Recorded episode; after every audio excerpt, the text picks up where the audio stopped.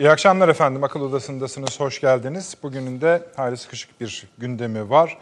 Esasında bunlar e, bölge, Türkiye ve dünya dış politikasının hani mihenk taşları olabilecek toplantılar önümüzdeki günlerde yaşanıyor. Hatta onunla başlayalım müsaade ederseniz.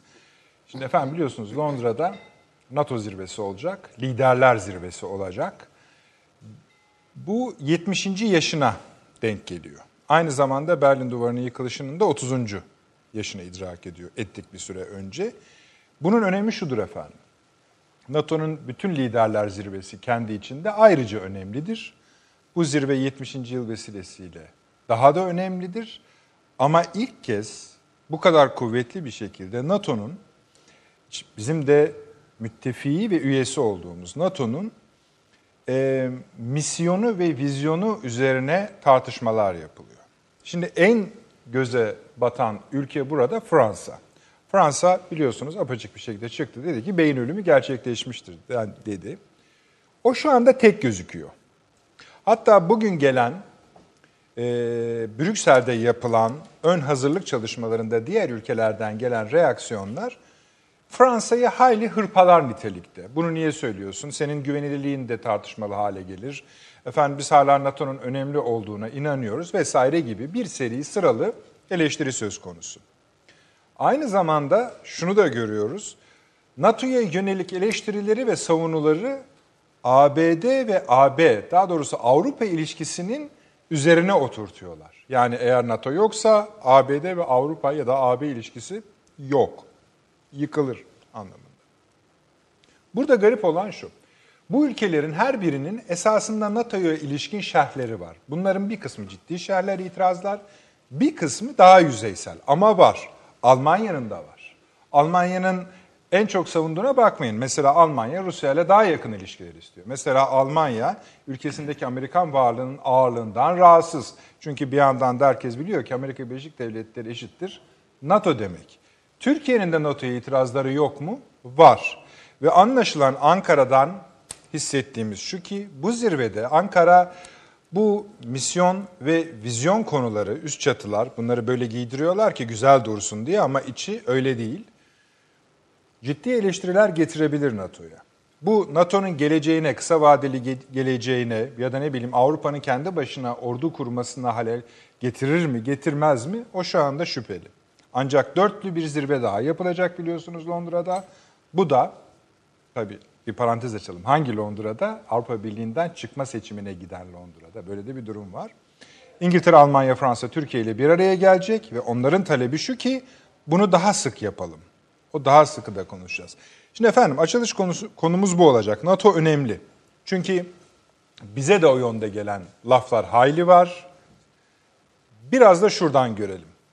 Yani ikinci maddeye geçeceğim ama önemini vurgulamak istiyorum.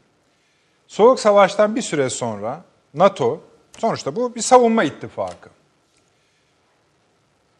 Konseptini değiştirdi haliyle. Yine de 15 tane kritik olası savaş noktasını, tehdit noktasını belirledi. Dedi ki buralarda problem çıkabilir, sıcak savaş anlamında söylüyorum. Bu 15 noktadan 13 tanesi Türkiye Türkiye Türkiye'nin bölgesinde ya da Türkiye'ye yakın yerler. Yani Türkiye'nin kanat özelliği biraz cephe özelliğine dönüştü. Bunların hepsi NATO ifadesi. Bu yüzden önemli. Bir başka nokta şu efendim. Bu hafta sonu hemen önümüzde burada biraz şaşırıyoruz çünkü gazetelerimizde bu konuya pek değinilmiyor. G20 Dışişleri Bakanlığı zirvesi var Japonya'da. Bu çok önemli. Türkiye'nin G20'ye girmesi bir olaydı. G20'de hala bulunması övünülecek bir şey gündeme gelmesi için G20'den düşmesi mi gerekiyor? G20 çok güçlü bir kurum ve biz artık dünyaya daha açık bir ülkeyiz. Neden bu görülmüyor? Merak ediyoruz. Üçüncü konumuz İran olacak efendim. İran ve Irak diyelim ama e, İran konusunda birden çok mesele var. Bu bizim tahmin ettiğimizden biraz farklı bir boyut taşımaya başladı. Buradaki protesto hareketleri yine var ama sönümleniyor.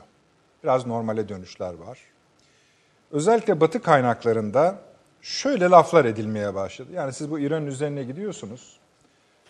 Rejimine yönelik bir arzunuz var ise bu 5-6 büyük parça basında, medyada ve think tank kuruluşunda Türkiye siz bu işin olmayacağının farkında mısınız? Türkiye İran'ı tuttuğu sürece ne yaparsa yap, ne yaparsanız yapın, savaş hariç İran yerinde durur. Ee, bu açıklama yani İran üzerine gitmekle birlikte Suriye'deki hedefleri İsrail'in vurmaya başladığını hatırlatırım. Yani İran'ı daha çok sıkıştırıyorlar. Bunun üzerine Rusya'nın buna fazla ses çıkarmadığını da not düşmek isterim. Bu akşam bunları da konuşacağız. Yani bir çember var. Sıkıyor mu, boğuyor mu, sınırı mı belirliyor yoksa gösterişli mi? Onu biraz şey yapacağız. Bir başka seri daha konu, konumuz var. Konuklarımıza daha çok zaman ayırabilmek adına onları sıralı olarak yine konuşacağız. Yani mesela Amerika ile ilişkiler var. Şimdi bu başlık olur mu? Zaten her zaman gündemimizde diyebilirsiniz ama hem Sayın Savunma Bakanı hem Sayın Dışişleri Bakanı ilişkilerde sıkıntı var ama çözüyoruz mu bilmiyoruz. Sadece bir tür free, yani donma hali söz konusu. Oradayız. Bu ne demektir ona da bakacağız. Sayın Avni Özgürer burada yine Birlik Gazetesi yazarı. Abi hoş geldin. Hoş bulduk. Sayın Uluç Özürkel, emekli büyükelçi. Uluç Bey hoş geldiniz. Hoş Ve Ankara'da Profesör Doktor Anıl Çeçen hocam var. Hukukçu, araştırmacı, kamu hukuku öğretim üyesi. Anıl hocam beni duyabiliyor musunuz? Duyuyorum efendim. Hoş Hepinize geldiniz iyi Ankara'ya. akşamlar diliyorum. Peki. Umarım iyi bir program olur. Çok eks- eksik olmayın.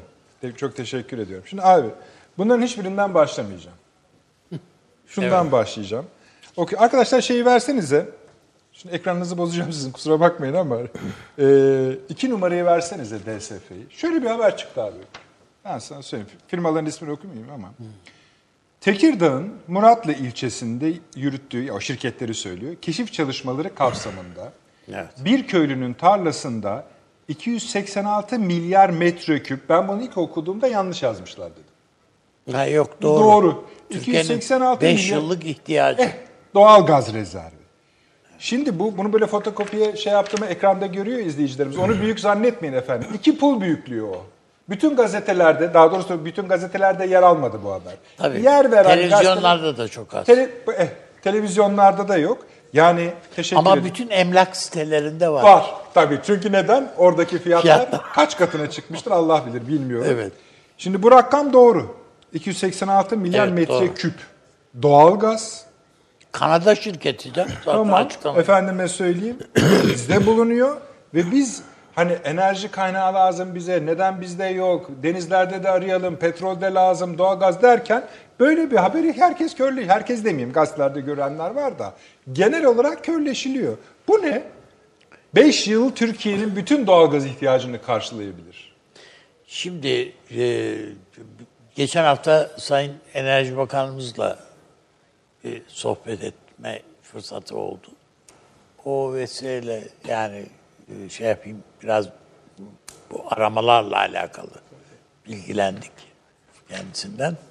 Tabii Cumhuriyet tarihinde belki en fazla e, petrol aramasının yapıldığı, doğalgaz, petrol aramasının yapıldığı bir dönemi yaşıyoruz ve önemsendiği. Yani bu Türkiye'de petrol, doğalgaz yok. Neden dolayı? İşte fay hatları birbirini kesiyor, şu bu. Yani jeolojik bir takım izahlar var filan filan.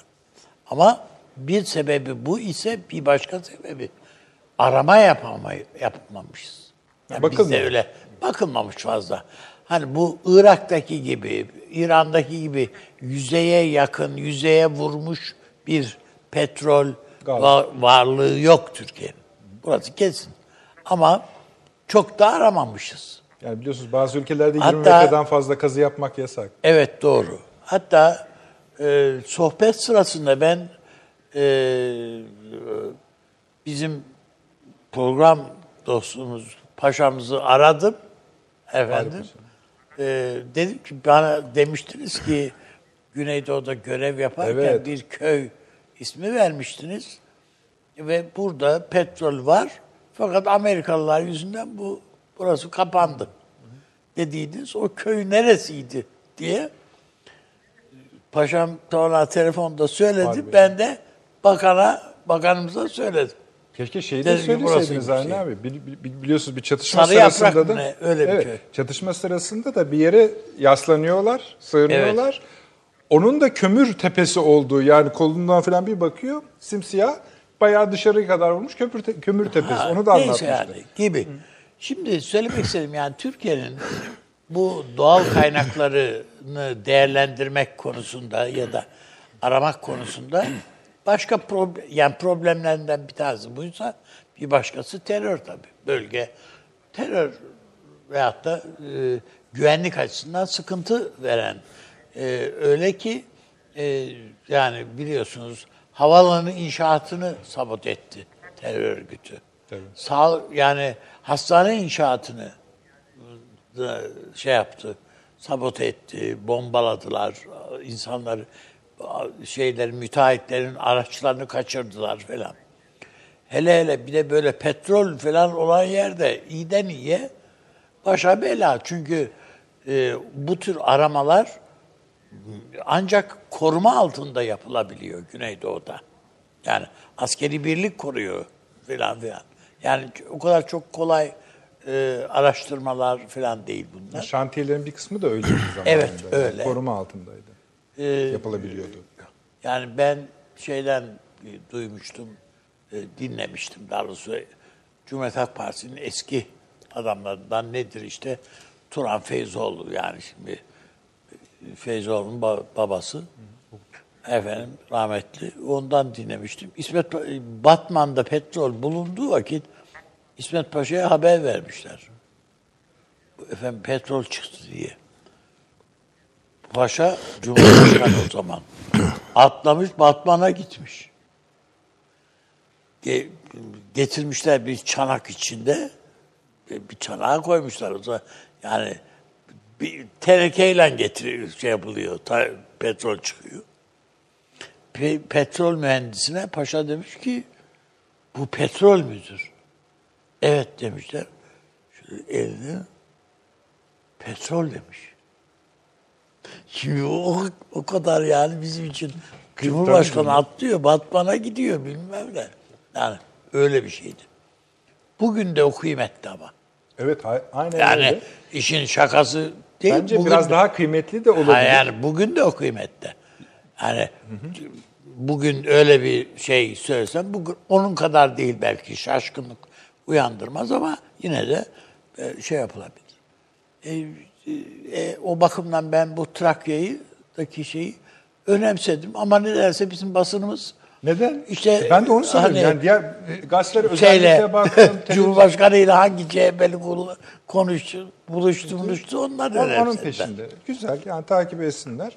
Ben de şöyle belki e, belki Uluç Bey de bir iki şey söylemek ister ama e, esasında bugün böyle bir kaynağın bulunmuş olması bu doğalgaz üzerinde söylemiyorum. Sizin dediğiniz gibi petrol bulunmuş. Yani kapasiteyle alakalı da Kanada şirketi açıklamayı yaptı. Rezerv açıklaması. iki, iki şirket Yapan, var orada. evet. Biri Norveçli, İki- evet. birisi Kanadalı. Evet öyle. Beraber. Onlar yaptılar yani. Kullandıkları ifade de e, hani kanıtlanmış rezerv. Evet. Artık bilemeyiz onu. Yani onu herhalde devletin yetkilileri. Şimdi tabii bizimkiler bütün emlakçılar oraya Tabii kaç katına çıktı üç- dediler. üç- Ya artık o olacak öyle söyleyelim yani. yani metrekaresi diye mi artık neyse tam bir bir Köyün muhtarı demiş ki ha, bin dönüm arsa 10-20 bin liraya satılıyordu. Şu anda 100 bin lira demiş. işte gibi. Gibi. Yani bu tarz, E, e, bu tarz, fena, e, bu o- tarz şey- şeyler olabilir, spekülasyonlar. Yani biz Artık onu görmüyoruz. para deyince e, koca dipsiz gölü kuruttuk yani. Değil mi? Evet, doğru. E, Altında bunun kıymet para var diye. Peki. Filan. Ama O şöyle soralım, şöyle yapalım. Güzel şöyle bir şey oldu. çizmeme izin Tabii verir misiniz? Bir Ankara'yla Tabii. ilgili. Tabii. Nasıl konuşacağız. Anıl Hocam, bu konuyla ilgili istiyorum. birkaç şey söylemek ister misiniz Evet. bilmiyorum ama belki şunun Söylemek üzerinden isterim. hareket edersiniz Söyle- diye düşündüm ben. Evet. Ee, Şimdi efendim. Peki, siz devam. An- Buyurun. Evet. An- Ankara Ankaralı bir bilim adamı olarak tabii ki Türkiye'nin sorunlarıyla çok yakından ilgileniyoruz ve takip ediyoruz. 1980'li yıllarda Türkiye Petrolleri Anonim Ortaklığı'na gitmiştim. Türkiye'nin petrol haritasını e, istemek üzere. İlk Vermezler. gittiğimde bana dediler Verdiler ki mi? öyle bir haritamız yok size bir harita vere, veremeyiz dediler. Israr edince dediler sonra bir daha uğrayayım belki bakarız falan gibi dediler. Sonra ben vazgeçmedim tekrar gittim. Var, var, Ee, var. Bir süre Yanlış sonra yerden ve bu sefer bana bana bir harita vermek zorunda kaldılar. Şimdi o haritada kocaman bir siyah bölge vardı. Ee, Sivas'la Sivas'la Doğu Anadolu sınırımız arasındaki kalan bölge simsiyahtı o haritada. Ee, ve bir tek petrol e, çıkan kuyumuz vardı. Sadece e, Batman'da e, Türkiye Petroller Anonim Ortaklığı petrol çıkarıyor. Diğer bölgelerde arama yapılmıyor. Herhangi bir arama yok. Ama Batman'da bir yapılanma var. E, işte o çerçevede ben bu siyah bölge nedir? Türkiye'nin Doğu Anadolu bölgesini kapsayan diye sorduğumda haritayı veren bana Osman dedi ki efendim orası petrol araması yasak bölge dedi. Şimdi pardon dedim bu yasak e, Türk vatandaşları için mi yabancılar için mi? E, yoksa bu bölgede başka bir e, geleceğe dönük bir plan mı var? O beni rahatsız etti tabii o siyah nokta. E, Türkiye'de e, petrol araması yasak bölge varsa onu devlet zaten belirler, kontrol eder. E, kamu yapılanması çerçevesinde onu örgütler ve bir düzene koyar. Ama şimdi hem Türkiye'de devlet var ama hem de Türkiye'nin belirli bir bölgesi geleceğe dönük petrol aramamak üzere saklanıyor ve bu noktada da bayağı ciddi boyutta e, bir siyah bölge e, haritaya konuyor. Şimdi ben durmadım tabii olayın üzerine tekrar gittim ve sonunda şunu tespit ettim. Tabii bunu bana açıkça resmi olarak kimse bir şey söylemedi. Efendim dediler o bölge gelecekteki yeni yapılanmaya göre değerlendirilecek dediler. Ne olabilir dedik? Efendim işte Türkiye'nin biliyorsunuz Ha, evet, Doğu evet. Anadolu bölgesinde geleceğe dönük yeni devlet projeleri var.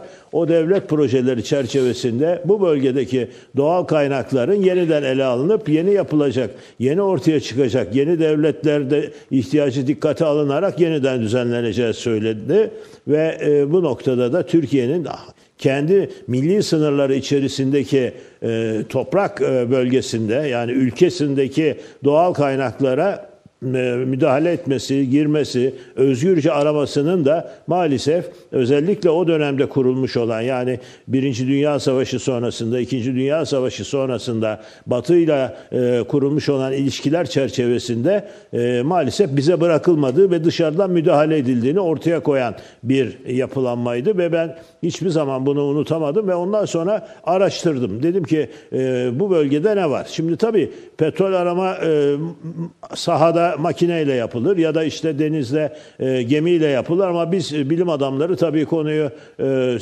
çeşitli boyutlarıyla kütüphanelerden yararlanarak e, hallederiz e, ve o noktada da e, kaynakları değerlendirmek durumundayızdır. Nitekim e, araştırmalarım sonucunda o ara e, Sovyetler Birliği vardı ve Sovyetler Birliği'nin desteğiyle Türkiye'de Avni Bey hatırlayacaktır. Politika diye bir gazete çıkıyordu. O gazetenin başında da İsmail, İsmail Cem Cem. vardı. İsmail Cem'in e, çıkardığı ki İsmail Cem biliyorsunuz eski bir sendikacıdır. E, Türk e, Gazeteciler Sendikası Başkanlığı da yapmıştı. E, ve sendikacılık üzerinden e, bu konulara yönelmişti ve e, Politika diye bir gazete çıkarıyorlardı. Çok iyi hatırlıyorum o dönemde Sovyet kaynaklarına dayanarak, Sovyetler Birliği'nin kaynaklarına dayanarak Türkiye'nin petrol alanları ile ilgili bir yayın yapılmıştı ve o yayında da özellikle Türkiye'nin güneydoğusu, Doğu Anadolu, Karadeniz bölgesi, e, Trakya bölgesi ve Ege Denizi ve işte şimdi de Kıbrıs civarı Akdeniz bölgesi enerji kaynakları bölgesi olarak ortaya çıkıyor. Bütün buralarda bu, e, çok ciddi e, enerji kaynaklarının bulunduğuna dair e, yayınları biz o dönemde 1980'li 90'lı yıllarda araştırdığımız zaman dolaylı da olsa erişebiliyorduk. Bakın bir günlük gazete Türkiye'de yayın yapıyor ve burada Batı kaynaklarını değil Avrupa ve Amerikan kaynaklarını değil aksine Sovyet kaynaklarından gelen bir değerlendirmeyi yapıyor ki bu da e, gerçekten üzerinde durulması gereken bir konu. Sözü uzatmayayım son olarak şunu söyleyeyim. Zaman zaman Türkiye'de işte Türkiye'de petrol bulundu şurada şu gibi haberler çıkar. Ga- Gazetelerde, e, televizyonlarda yer alır. çok iyi hatırlıyorum mesela çeşitli programları Karadeniz'deki dağların arasından siyah e, petrolün akı- akıp gittiğini tespit etmişlerdi zamanında ama sonra e, araştırdığınız zaman bunun üzerine düşen var mı? Bunu takip eden, örgütleyen var mı? Maalesef yok. Yani burada şunu söyleyebilirim. e, yakın izlediğim içindir ki evet e, belirtiler var. E, kaynaklarda da dolaylı olarak bunlar tespit ediliyor. Açıkça söylenmiyor. Ki bakın mesela şimdi Kıbrıs'la biz bu kadar uğraşıyoruz. Yıllarca Kıbrıs meselesi tartışıldı. Ama Kıbrıs'ın altındaki doğalgaz ve çevresindeki petrol konusu hiçbir zaman ele alınmadı. Aynı şekilde Akdeniz'le e, ilgili olarak da bu gündeme geldi. Hatta e, petrol deyince Orta Doğu'da Suudi Arabistan petrol ülkesidir. Irak petrol ülkesidir ama Suriye petrol ülkesi değildir şeklinde e, bir e, e, gelişme, bir e, süreç yaşandı. Ama şimdi geliyoruz bugün e, Suriye ile ilgili olarak Suriye'nin geleceği belirlenirken sadece Doğu Akdeniz'de değil e, Suriye'de de e, e, doğalgaz ve petrol yataklarının bulunduğuna dair e, çeşitli yine kaynaklardan haberler basına Anladım. yansıyor. Evet. Peki. Ee, şimdi tabii e, öyle bir süreç söz konusu ama şunu söyleyeyim. Türkiye bu petrol konusunu da enerji konusunu da hiçbir zaman e, ciddiye alarak ciddiye alarak üzerine gidip e, geniş bir örgütlenmeyle yerin e, altını da üstünü de denizin e, ülkesinin e, altını da üstünü de incelememiştir ve bugün bakın e, Akdeniz'de petrol aramaya daha yeni başlıyoruz. Ne kadar zaman geçtikten sonra neredeyse 100 yıla varmış e, devletimizin kuruluşu. 100. yılı kutlayacağız yakında. Ama topraklarımızın altında neyin yattığını bilmiyoruz. Sonuç Son olarak şunu yıl. söylemek istiyorum. Sözü Ancak fazla uzatmak istemem. Efendim bakın bakın Bakın e, Bolivya'da Bolivya'da değil mi e, devlet başkanı ülkeyi terk etmek zorunda kaldı. E, biliyorsunuz Venezuela'da çok ciddi boyutta bir petrol tartışması var. Gaddafi o yüzden öldürüldü biliyorsun. Gaddafi'nin en büyük suçu Libya'daki petrol gelirlerini petrol şirketlerine vermiyordu. Ne yapıyordu? Kendi halkına dağıtıyordu. Fakir Afrika ülkesi halklarına dağıtıyordu. Onların ihtiyaçlarını karşılıyordu ve kötü örnek oluyordu dünyadaki petrol sahibi ülkelere. O nedenle Gaddafi'nin yok edildiği kanaatindeyim. Şimdi Peki benzeri hocam, bir devam edeceğiz Bolivya daha. ile ilgili var. Bolivya'nın Bolivya dağlarının altında çok büyük maden yatakları olduğuna dair haberler çıkıyor. Ee, demek ki e, kavga sadece enerji değil, geleceğe dönük yeni yapılanmada e, geleceğin madenlerinin bulunduğu ülkelerde e, sorun var. E, işte Türkiye'de boryum, toryum ve uranyum yataklarıyla bu kavganın tam ortasındadır. Gelecekte e, özellikle uzay çağında ihtiyaç hissedilen madenlerin önümüzdeki dönemde e, dünya haritasında belirlenme noktasında Türkiye'nin bu Peki yönüyle çok e, zengin kaynaklara sahip olduğuna dair kaynakları görüyoruz. Peki. Bu, bu bizim için çok önemli. Teşekkür ediyorum hocam. Esasında hocamı özellikle kesmedim. Çünkü bu konu daha devamı da var. Mesela bugün Sayın Cumhurbaşkanı bir başka vesileyle konuşma yaparken genetik depodan bahsetti. Yani tohumlarımızın depolanması, koruma altına alınması. Su konusunda bir cümle kurdu ama kurduğu cümle şu. Yani bu yüzyılda petrol ve doğalgaz için ne yapıyorlarsa şimdi su için bunu yapıyorlar. Dedi, bu da çok önemli. Ama şöyle e, Ama biz bir taraftan da kendi kaynaklarımızı imha Aynen işte. etmekte. İşte yani su örneği tamam güzel işte ama ne göl. Değil Evet. mi? Peki. Sadece göl diye değil. Yani Tabii, tabii, genel olarak Tohum söylüyorum. deposu e, Meselesi olan de öyle. e, bataklık arazilerimizi yakıyoruz işte. Bugün ben buraya gelirken yani televizyonda gördüm. Yakmışız. Şeyi de hatırlatalım e, izleyicilerimize. 15 Temmuz gecesi sabote edilen yerlerden birisi de Ankara'da bu e, genetik tohumların olduğu depoydu. Onun fişlerini çekip yani adam özellikle gidip orayı yok etmek için ayrı bir birim kurmuş yani. Onlar tabii unutuldu gitti. Sayın Büyükelçim, yani dediğim gibi bu kadar yer ama yer ayırmayı düşünmüyordum ama önemlidir. Ne olur size bir Çok şey önemli söyleyeyim. tabii efendim. Bir şey anlatmama müsaade edersiniz. Beklettiğimi fark tabii, buyurun. Bağışlayın ne olur beni. Şimdi anlatacağım olay 90'ların sonunda geçiyor. Onun için şu anda oranın yetkilileri hemen şey yapmasınlar, heyecanlanmasınlar. Konya yolu üzerinde Ankara'da, e, Anadolu Hocam gayet iyi bilecektir, Petrol İşleri Genel Müdürlüğü vardır. Şimdi bir haber vesilesiyle şöyle bir, şey- bir kitapçık olduğunu ben orada duydum. Bugüne kadar Avni abi orada Türkiye'de yapılan petrol aramalarını gösterir bir kitapçık var. Bu kitapçık kıymetli bir kitap. Neden kıymetli? Çünkü örneğin yabancı firmalar şu bu falan filan burada bir iş yaparken enerjiyle ilgili Evet. onu görmek istiyorlar. Devlet de bu konuda hassasiyet gösteriyor. Şimdi ne kadardı fiyatını hatırlamıyorum. Sadece size şunu soruyorlar. Diyorlar ki ne yapacaksınız? Ben de gazeteci olduğumu söylemedim o dönemde. Dedim ki işte e, bir akrabamız İstanbul'da akademisyen buna şey olur dediler. O zamanki bugüne göre fiyatı da 100 lira mıydı? Yani öyle söyleyeyim. Fiyatı da o kitabı aldık. Bu böyle yapılıyor. Yani orada aslında hepsi var. Bak abi o kitapta. Bugün belki işte Petrol İşleri Genel Müdürlüğü'nden rica etsek bize gönderebilirler. Çünkü artık eski bir şeydir. Ama orada dahi e, bütün yapılan çalışmalar ya da işte Anıl Bey'in söylediği gibi yapılmayanlar da gözüküyordu. Buyurunuz. Ee, ben biraz farklı açıdan yaklaşırım işe. Şöyle, e, normal şartlarda bir kere evvela şunu söyleyeyim. Özal rahmetli e, bir sözü vardı hiç unutmadığım. İyi ki bizde petrol Allah'ım yok. 5 milyar dolar civarında bir petrol ver. Bunun ötesi gerekli değil. Başımıza Çünkü e, hem başımıza iş açıyor hem de tembelleştiriyor. Dolayısıyla şu açımızı kapatırız 5 milyar dolar bize çok iyi gelir falan diye söylerdi.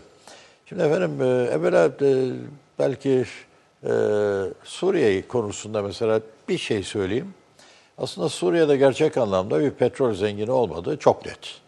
Ee, savaş öncesinde yıllık geliri 730 milyar dolara, 730 milyon dolardı buradan çıkan petrol şeyinin ve bunu Araplar kendi aralarında çıkar, çıkarıyorlardı gelip yani Suriye'ye yardım olsun diye. Ee, bütçenin %20'si ihracatında %35'ini Suriye'de petrol üzerine bina etmişlerdi. Bu şekilde giderdi.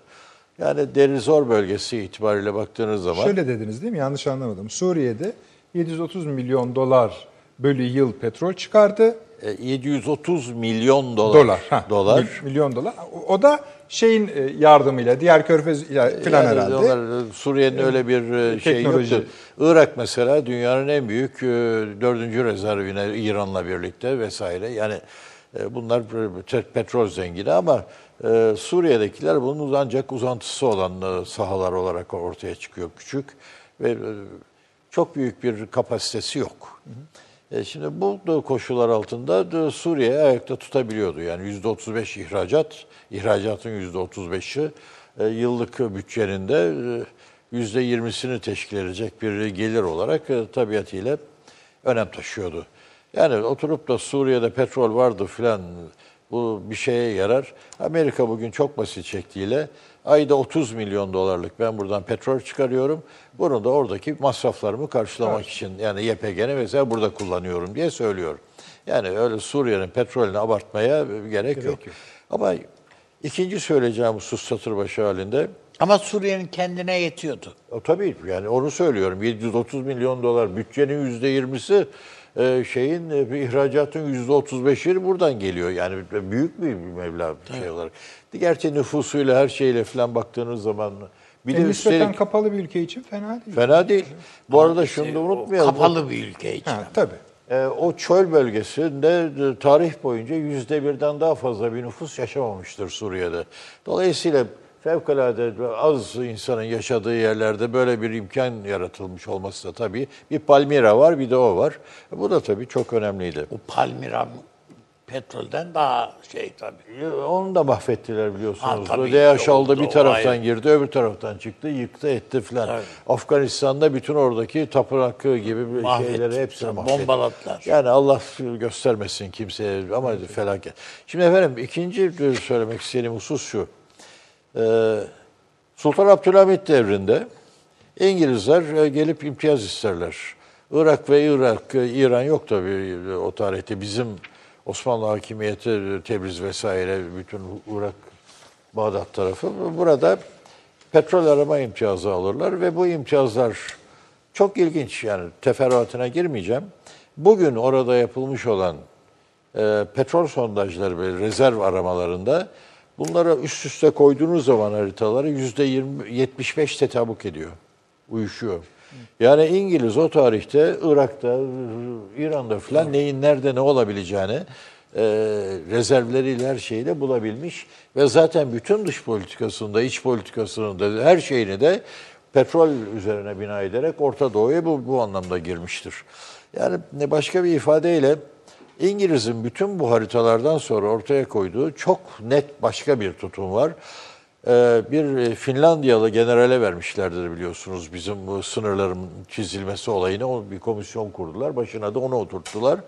Petrolü bittiği yerde bizim sınır başlıyor. Neden? Çünkü güneyden Onu o zaman da ölçebilmişler mi yani? ölçmüş Ölçmüşler. efendim. Tabii yüzde 75 de tabuk ediyor. Hududun on- 12 kilometre ötesinde petrol çıkıyor canım şu anda. Şi- Ama yani Total'in şeyi Mü- var. müthiş mi? Bu söylediğim müthiş bir şey tabii ama yüzde 75 üst üste koyduğunuz zaman Tutturuyor. ya tutturmuş bunu diyorsunuz. Şimdi e, diğer söyleyeceğim bir şey, e, güneyden Afrika, Suudi Arabistan'a, e, Suudi Arabistan, İran üzerinden bizi sıkıştırıyor ve bizim burada aslında petrol olabilir, var da. Fakat e, kırılma bölgesi olduğumuz için o dağlar vesaire, İşte bu, hatları, evet, üst bunlar üste hazneler halinde bölünmüş vaziyette ve derinde çok. Bakın e, bir basit bir örnek vereyim. Doğu Akdeniz'de hala hazırda e, bu kadar fazla sondaj yapılabilmesine bir tek nedeni var. En son Eni ben 3000 İtalyan 3500 firması. metrede bulurum dedi. 5600 5700 metreye indi buldu. Yani sizin de burada bir e, e, derine inebilme kabiliyetiniz artmıştır. Arttığı ölçüde petrol de giderek daha fazla azalmaya başladığı ölçüde bunların ekonomik olarak kullanılabilirlikleri ön plana çıkıyor. Ve dolayısıyla Yani buluyorsunuz ama feasible mı? feasible değil. Yani şimdi bugün Doğu Akdeniz'de efendim e, bir sürü Leviathan sahasından başlayarak şimdi diyor ki ben bunu çıkardığım zaman bunun e, boru hattını döşeyeceğim. Ay bu yani bulunmuş olan oradaki hazneler belki zengin olabilir ama mesela e, İsrail ben bunun yarısını kendim kullanacağım diyor. Geriye kalan satabileceği 300 milyar metreküp. Yani sizin bugün Trakya'da buldum dediğiniz saha Bugün Leviathan bölgesi olarak İsrail'in yaşasın ben burada e, kendimi 750 milyar metreküple kurtardım diye basbar bağırıp etrafta dolaştığı sahinin ü- ü- üçte birinden fazladır. Yani başka bir deyişle e, burada bir e, fizibilite bir şeyleri de çok ön plana çıkıyor. Şimdi e, bunu söyledikten sonra Türkiye'de e, 1954 yılında ilk biz e, petrol kanununu çıkardık. Yani Rahmetli Özal'ın o bir koyup üç alacağız yani bir, sözünde yani- altında o da vardı herhalde üç, değil mi? üç, bir falan çok o zamanlar yazılıp çizilmişti hatırlayacaksınız e, ne olacak diye. Hatta bir genelkurmay başkanımızın istifasına kadar giden olaylar da yaşanmıştı. evet. E, Şimdi de burada 1954'te petrol kanunu çıkardınız. Çok da liberal bir kanun. Oraya girdiniz oradan hiç çıkamayacağız büyükelçi. 19 o kanun problemli bir kanundur. Şimdi ama Amerikan mesele, etkisi çok meseleyi büyük şöyle bakmak lazım. O günkü Türkiye koşullarında benim hiçbir imkan ve kabiliyetim yok. Kendimi yapma ihtimal ve imkanım da yok. Evet, doğru. O zaman birilerine gidip ya bir de üstelik Amerika gelmiş kapımı çalmış. Orada NATO'ya 52'de girmişiz. Aynen öyle. Ee, Kore Savaşı'nda inanılmaz şekilde bizim lehimize çalışmış tarım ürünlerinde vesaire. Kendimizi dev aynasında gördük. Ama bu arada şu petrolü de bulursak yaşadık diye baktık. E bunu ben yapacak halde olmadığıma göre liberal bir kanunla başkalarına bunu Ama kaç yıl gitti o kanun? Hala öz- tortuları var. Şimdi mesele yalnız şu, e, şunu aklımızdan çıkarmayalım. Vereceğim rakam 1963 yılına ait. 1950'lerde falan ne olduğunu anlatabilirim ama uzatmamak için söylüyorum. 1963'te 200 milyon dolar sınırını ihracatımız aştı diye rahmetli İnönü e, Türkiye bir e, mucizeyi gerçekleştirdi. 200 milyon doları aştık diye beyanat verebilmişti. Evet demeci Yani o. şimdi böyle bir Türkiye'den bahsediyoruz. Oturup sizin orada e, kazacaksınız, gireceksiniz ve üstelik riski bol. Orada 20 tane kuyu kazacaksınız. O günün koşullarında rezerv tespiti falan daha zor tabii. Kazacaksınız boş boş boş boş. Bunlar hep sokağa atılmış para. Türkiye'nin parası yok zaten. Şimdi dolayısıyla bugünküyle e, o günkünü karşılaştırmak fevkalade hatalı olur. Ne zaman oldu bu? Bugün ben iki tane gemimi, hatta üç gemimi, dört gemimi Doğru. alıp kendi şeyime sen mi ben, bu, aramıyorsun benim adıma ben giderim yaparım bunu deyip orada resmen gidip kendim yapıyorum ve buradan doğalgazımı da vesaireyi de bulabiliyorum. Şimdi Türkiye Cumhuriyeti'nin bugün geldiği nokta itibariyle bu doğaldır. Ama sö- söyleyeceğim diğer husus çok uzatmadan iki kelimeyle onu da söyleyeceğim. Efendim e, Türkiye'de petrol sahaları esas itibariyle tabii Güneydoğu'da. Yani Doğu Anadolu'da falan yok ama e, bu askeri bölge vesaire falan dediğimiz şey onu biraz gene farklı bir gözle görmek lazım. Soğuk Savaş döneminde Kars, Ardahan, Doğu Bayezid'in bizden istendiğini falan unutmayalım. Biz o tarihte NATO'ya da bir noktada girdikten sonra... Demir yolu bile yapmıyorduk hocam. Tabii. Değil mi ve oralara? bir güvencemiz falan diye korkuyorduk yani oraya gittiğimizde. Ve ama neticede bir şey daha var. Türkiye'nin her tarafı askeri bölgeydi. Ben Boğazlara gittiğim zaman ya muhteşem bir deniz yüzeceğim yasak. Giremezsin diyor. Neden? Çünkü e, o günün koşullarıyla bakmak lazım gene işe. Bugünkü Türkiye değil o zaman ve bugün dünya koşulları ve Türkiye'nin aynı zamanda silah sistemleriyle her şeyle birlikte ulaştığı bir belirli bir seviyeyle birlikte görmek gerekiyor. Şimdi e, Gü- Güneydoğu'da olması fevkalade doğal. Neden? Çünkü zaten bu hazneler e, Irak vesaire bütün onların uzantısı şeklinde burada görülmesi lazım ama hazneler halinde. Büyük e, bir e, şey ben yok. Trakya'da bulunca biraz da onun için hani doğalgaz Ama Türkiye'nin çok büyük bir şansı var şu sırada. Ee, onun için de biraz gene para lazım. Onu harcayamıyoruz. Ee, kaya gazı bulundu. Ve Amerika bugün kaya gazı itibariyle dünyanın yüzde 40 ihracatını doğalgazın sağlayan Hayli Katar'la birlikte iki ülkeden biri haline hayli geldi. masraflı bir iş. Çok masraf. Ee, inşallah o da olur. Ha, Yani etap etap gideceğiz. Şimdi bütün bunları söyledikten sonra son e, bir şey daha. Trakya'da aslında bizim bir doğalgaz e, denizi üzerinde yaşadığımız bugün değil, her zaman söylenmiştir. E, fakat e, bunu çıkarabilecek imkan ve kabiliyetimiz yoktu ne yazık ki. E, bu tek e, bu sahadan ibaret değildir.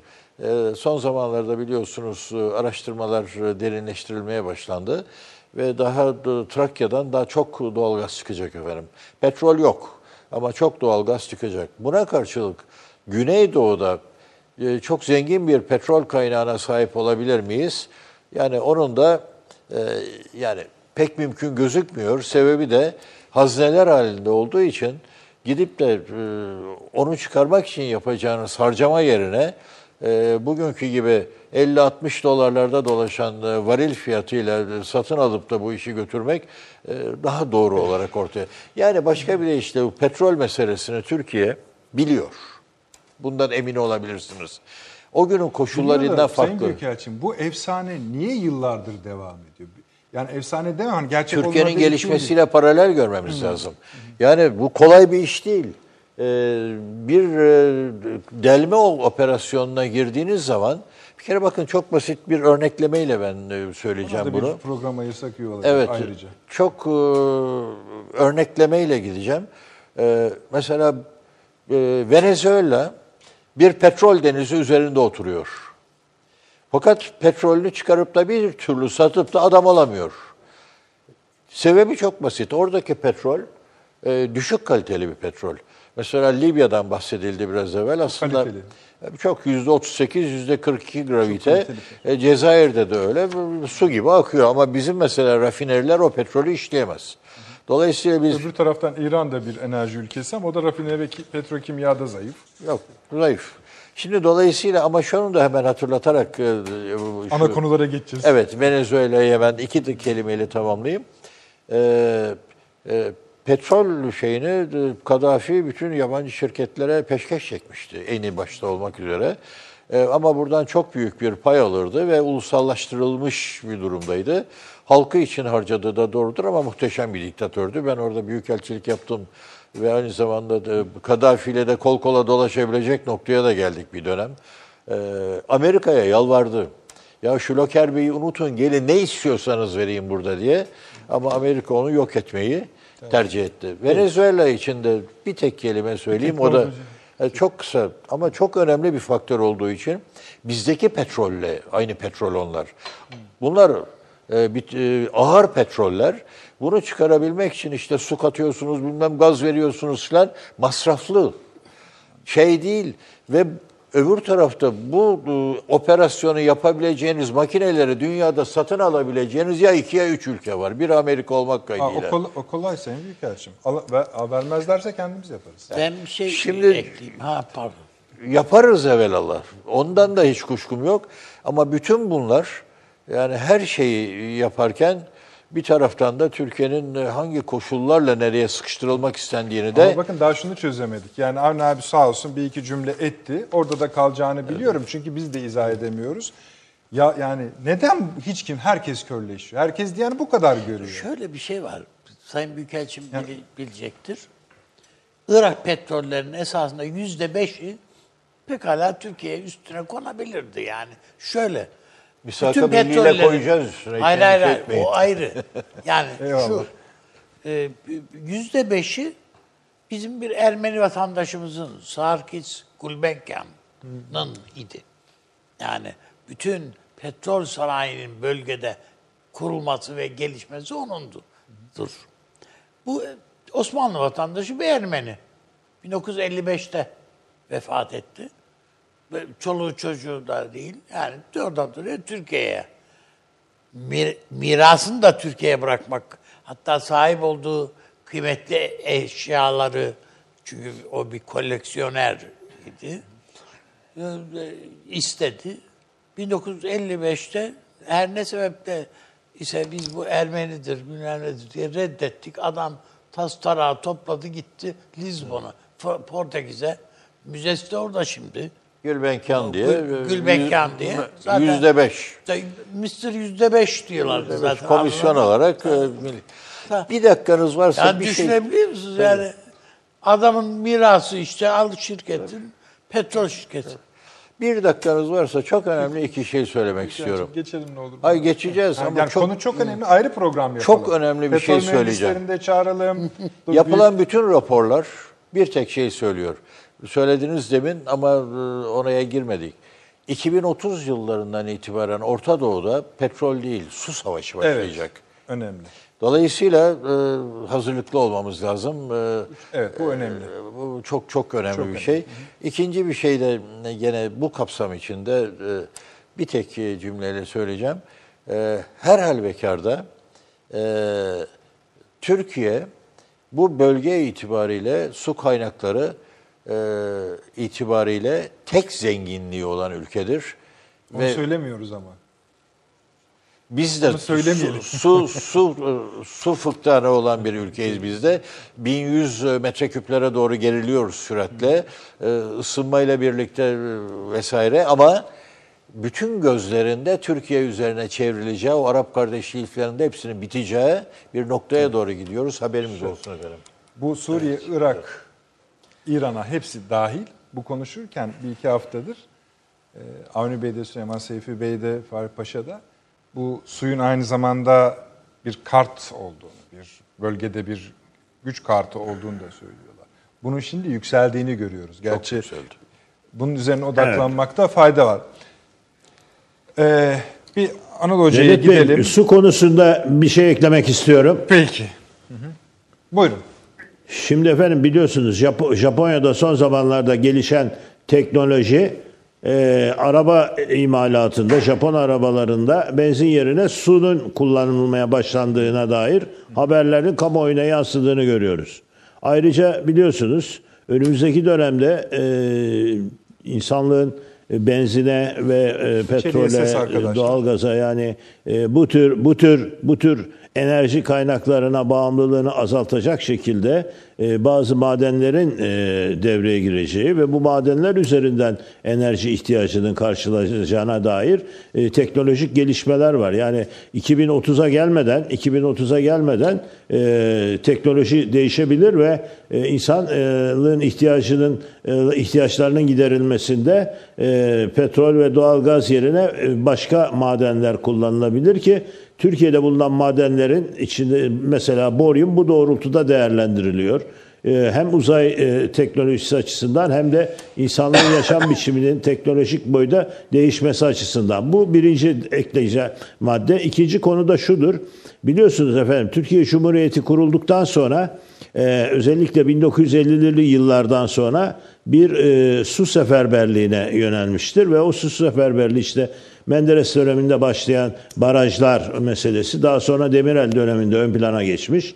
Zaten Süleyman Demirel de bir su mühendisi olarak seçilmiştir ve e, Türkiye'de uzun süre başbakanlık yapmıştır ve işte böylesine bir yapılanma içerisinde Türkiye'nin su yatırımı e, Türkiye'nin kendi ihtiyaçlarını karşılama noktasında e, Orta Anadolu'nun kuraklığının önlenmesi noktasında, Türkiye Cumhuriyeti'nin başkenti Ankara'nın kuraklığa sürüklenmesinin önlenmesi konusunda Türkiye'nin su yatırımıyla ilgili öncelikli bölgesinin Konya Ovası olduğunu görüyoruz. Ama Türkiye üzerinde giderek artan Amerikan baskısı, Amerika üzerinden bölgede e, bir büyük bölgesel yapılanmaya yönelen İsrail lobisinin baskılarıyla Türkiye'nin e, acil ihtiyacının e, Anadolu'nun e, ortasının sulanması ve bu su kaynaklarıyla e, Konya Ovası üzerinden ülkenin hem batık e, hem orta kısmının e, ihtiyaçlarının karşılanmasını bir yana bırakıp biz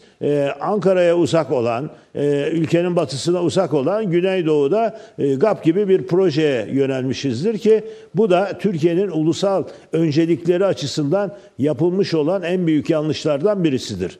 Tabii bana katılmayabilir de diğer konuşmacılar. Ben burada görüşümü söylüyorum. Çünkü bakın eğer GAP projesine Türkiye öncelik vermeseydi ki GAP projesinin sonuçlanma noktasına geldiğinde o bölge halkı silahlandırılmış ve ayaklandırılmış. Burası başka bir ülkedir demeye başlamışlar ve biz e, oraya büyük su yatırımı yaptıktan sonra orayı kaybetme noktasına gelmişizdir. Çünkü benim tespitim Büyük Orta Doğu Projesi 1950'li yıllarda başlamıştır. Amerika'nın Orta Doğu'ya gelişiyle başlamıştır. İsrail'in kuruluşuyla başlamıştır. NATO'nun bölgeye gelişiyle başlamıştır. hiç Ve gitmesek o- o oralara çıkamayacağız öncelikler- yani. Öncelikler konusunda Yine sizle devam Peki, edeceğim sonuç ama olarak şuna gelmek istiyorum Lütfen. efendim. Ama GAP projesinin e, Türkiye açısından öncelikli değil, ikinci derece bir proje olduğunu vurgulamak lazım. Ve bakın bugün Konya'da e, topraklar çöküyor. Büyük obruklar açılıyor.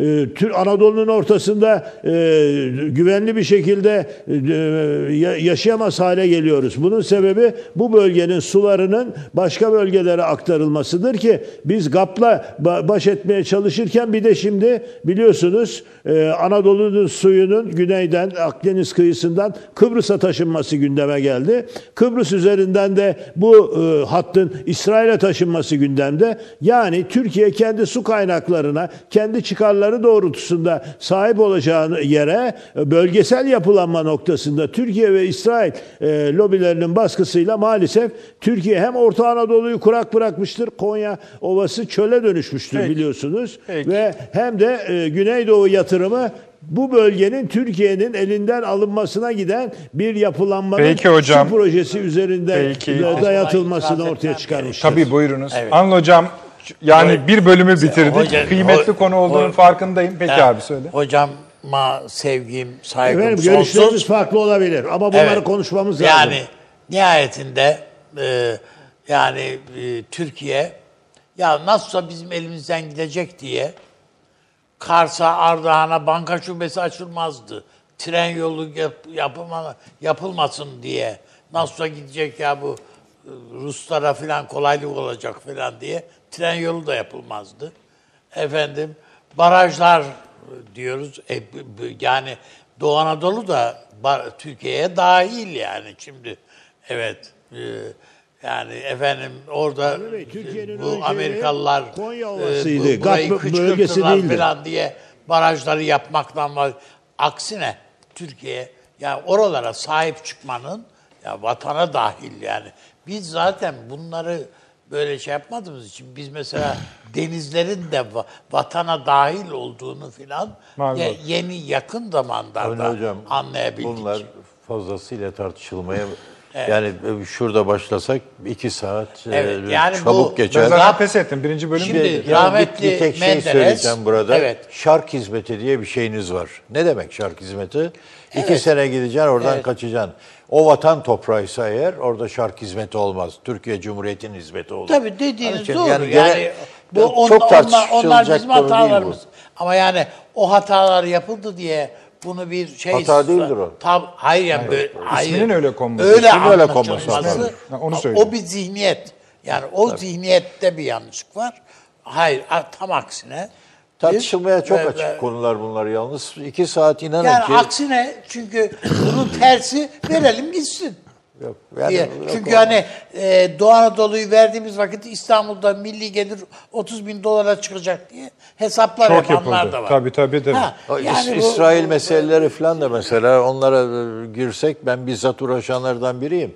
Mesela neyse oradaki denize dökülen suyu satacak, para kazanacaktık e, Yani Özal'la. rahmetli Olmadı. Menderes Olmadı. e, tü- o zaman çünkü şey yok, devlet planlama teşkilatı yok. E, bu Yüksek Planlama Kurulu diye bir kurul oluşturulmuş. Orada işte İsmail Hakkı Deriner, o zamanki Devlet Su İşleri Genel Müdürleri, işte Süleyman Demirel var. Şimdi Deriner dediğimiz zaten doğudaki o yedi barajdan birinin, barajlardan birinin onun adı verildi falan yani.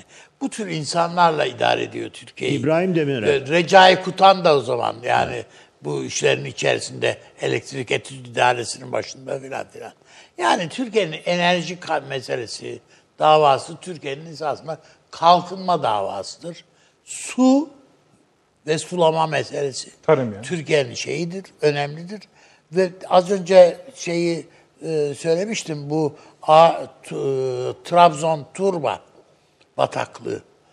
10 bin yıllık tohum depomuzmuş bizim. Evet. Burası Trabzon'da. Efendim Ağaçbaşı mevkiinde. Bunu herhalde arazi imkanı olabilir diye mi artık neyse bilmeyiz. Yaktılar. Yakmışlar. Daha yani birkaç yıl oluyor. Yani bunun ben bu e, meselenin hem milli güvenlik meselesi. Bu, bu- bu- hem, bir taraftan diyeceğiz ki efendim işte Ko- Konya Ovası'nı e, Anıl Hoca bilir, ben de bilirim. Yani bu Obruk Yaylası'nı, bütün oraları filan. Orası yeni bir şey de değil üstelik. Ayrıca sürekli su çekiyoruz biz. Yani yanlış sulama, su, sulamadaki hatalarımız, yeraltı sularının kıymetini bilemeyişimiz, şu bu filan yani. Bütün bunların etkisi var. Niye başka yerde yok da orada çıkıyor efendim? Değil. Yani su to, şeyin dokununda. e, şimdi şu anda mesela e, orası için yeni projeler de geliştiriliyor. Ben e, sırf Konya e, şey, yeraltı suyunu kurtaracağız diye barajlardan vazgeçelim bile. Amerika yırtınıyor bu barajları yapmayın diye ya zaten. O zaten yani Amerika Türkiye'de diyorsunuz. Peki. adam tutsa bu kadar şey olmaz yani. Peki. Anıl Hocam bir şey mi söyleyecektiniz? İyi. Hayır yani bir- Kapı- tamam. bunu bir Peki, uzatsak Yo, yo, benim tabii çok şöyle- söyleyeceğim şey var Ya ama uzatılmasına fikir gerek yok. olmadığım Tabii, şeyden anladım. uzatmamak için ben bunu Anıl Hocam reklama gideceğim. Bir dakika ne olur? Bir dakikayı geçmeyin. Peki. O son sözünüzü bağlayın. Ana konumuza geçeceğiz yani. Bir bölüm gitti. Evet. Ee, efendim e, su meselesi önümüzdeki dönemde e, önem kazanıyor ama bir başka konu daha var. Teknolojide gelişmeler çok önemli. Yani dünyanın biliyorsunuz dörtte üçü sudur E, ve e, bu su büyük oranda deniz, e, okyanus suyudur. Tuzludur. Tuzlu olduğu içindir ki faydalanamamaktadır. Ama şimdi en son teknolojiyle suyun e, arıtıldığını ve temiz suya dönüştüğünü biliyoruz. E, su konusundaki bu teknolojinin gelişmesi önümüzdeki dönemde su savaşlarını önleyecektir ki zaten İsrail Orta Doğu'da e, bu teknolojiye başlamıştır. Ayrıca Kıbrıs'taki otellerin de büyük ihtiyacı bu şekilde karşılanmaktadır. Demek ki teknoloji geliştikçe e, sahip olduğumuz kaynakların da değeri e, farklılık arz ediyor ve ona göre öncelikler değişiyor. Ben bu nedenle e, su ve Peki. petrol konusundaki e, konuşmalara katılmaya çalıştım. Evet. Çok teşekkür ederim hocam. Şimdi su, petrol, tohum ya da ta- yani hepsine de tarım, tarımı da ekleyebiliriz ama dahildir. Belli ki yani şöyle bir prensibim var benim. Aslında bir su uzmanımız olsun, bir petrol uzmanımız olsun falan. Onların o davet edelim onların önünde ya da o, yani her birinde bir bölüm de olabilir. Onların önünde tartışalım. Bir bölümü eksik kalıyor. Ama şunu eklemek isterim. Ben de hani artık bağlayacağım reklama da onun için biraz da. Mesela bir önceki yazımda su baronları diye başlık koydum. Sadece şunu söyleyip kapatmak istiyorum. 15 yıl kadar önce Goldman Sachs, JP Morgan Chase, Citigroup, UBS, Deutsche Bank, Credit Suisse Bank, Barclays Bank, Blackstone, Allianz, SHBC, Morgan Stanley, Carlyle Group Bunların hepsi bir araya geliyorlar. Dünyadan sermaye topluyorlar ve dünyanın en büyük su havzalarını yeraltı, yerüstü, araziler dahil, şeyler dahil, efendime söyleyeyim yeraltı su kaynakları dahil, devletlerin ve belediyelerin yatırımları dahil. Hani onların bir de bakılması gerekiyor ya su tesisleri. Şimdi işi bugün nereye geldiğini tam kestiremiyoruz bu noktada. Bu paraların hepsi harcanmış. Onların tahmini 10 yıl içinde bütün dünyada 22 trilyon doların harcanacağı bu konuda. 15 saniye müsaade eder misiniz? buyurun kapatıldı. Bir, bir rakam vereceğim o kadar. Dünyanın %97'si tuzlu su, deniz. %3'ü tatlı su. Ve bu tatlı suyunda %2'lik bölümü e, iyiden iyiye kirlenmiş durumda. Ve dünyada bu manada baktığınız zaman %1'lik suyla ayakta durmaya çalışıyoruz. Bunun imkan ve kabiliyetinin olmadığını istediğiniz kadar tartışmaya hazırım. Çünkü bu konuyla ilgili olarak benim yazdığım en az 10 tane rapor var. Bu tuzlu sudan tatlı suya dönüştürme işinde de minerallerden vazgeçme. Vazgeçiyorsunuz. Vazgeçiyorsunuz. Yapamazsınız. Yani besleyicilik özelliğini kaybediyorsun. İçme suyundan Yarın- bahsediyoruz suyundan. biz. Şu anda Deniz Recep suyundan deneyecek değil. o. Evet. Peki, Neyse, bir şey anlat. ben ben İki- tamam. iki- e, Milgen projesinin ilk gemisi galiba 2008'de bitti. Evet. 2011'de suya indi. Yeni teknolojiler eklen. Su 2008'de indi, 2011'de son haline geldi. Bütün dünyada bu izlendi biliyorsunuz. Tabii ne yaptı Türkler diye. Çünkü o gemi aynı zamanda görünmezlik gözü. Hayalet gemiydi. Görünmez gemi. Yani Sadece İsrail basını hiç Türkiye'de de dışarıda da bahsedilmeyen bir özelliğine vurgu yaptı. Hares gazetesinin böyle bir makalesini hatırlıyorum. kendi suyunu kendi üretiyor. Evet. E, çok tamam yaşa. canım, Öyle. Ama Onu neden ö- E, önemsedikleri yakın önemli. zamanda İstanbul Belediyesi reddetti bu konuda yatırım yapmayı. Yakın zaman derken? Geçen hafta. Heh, tamam yerine otursun da. önce. Heh, yani deniz suyundan tuzlu su üretiyorsa bir gemi başka bir şeydir. Arıtma falan. Evet önemli. Yani. Onlar işte altyapı demem oydu. Bir, ilk defa bu kadar bir reklama gitmekte zorlanıyorum. Reklama gidelim efendim. Hemen. Bir dakika reklam arası. Romandan şiire, tarihten düşünceye, klasik metinlerden özel edisyon çalışmalara kadar geniş bir yelpaze ve yüksek bir frekanstan yayın yapmayı hedefleyen Ketebe, şimdiden Türk kültür hayatında kalıcı ve önemli bir yer edindi. Edebiyatımızın seçkin eserlerine, genç kalemlere, tarihimizin engin zenginliğine, dünya edebiyatının hem güncel hem de klasik metinlerine, düşünce dünyamızın, maneviyat tarihimizin köşe taşlarına ve gün yüzüne çıkmamış değerlerine ev sahipliği yapmak, Ketebe'nin yayın politikasının omurgasını oluşturuyor. Dünya standartlarında bir yayıncılık anlayışı ve deneyimli kadrosuyla yola çıkan Ketebe yayınları, kitaba, kağıda ve söze hürmet eden bir medeniyetin parçası olarak her şeye geçer, yazı kalır diyor. Reklam arası sona erdi.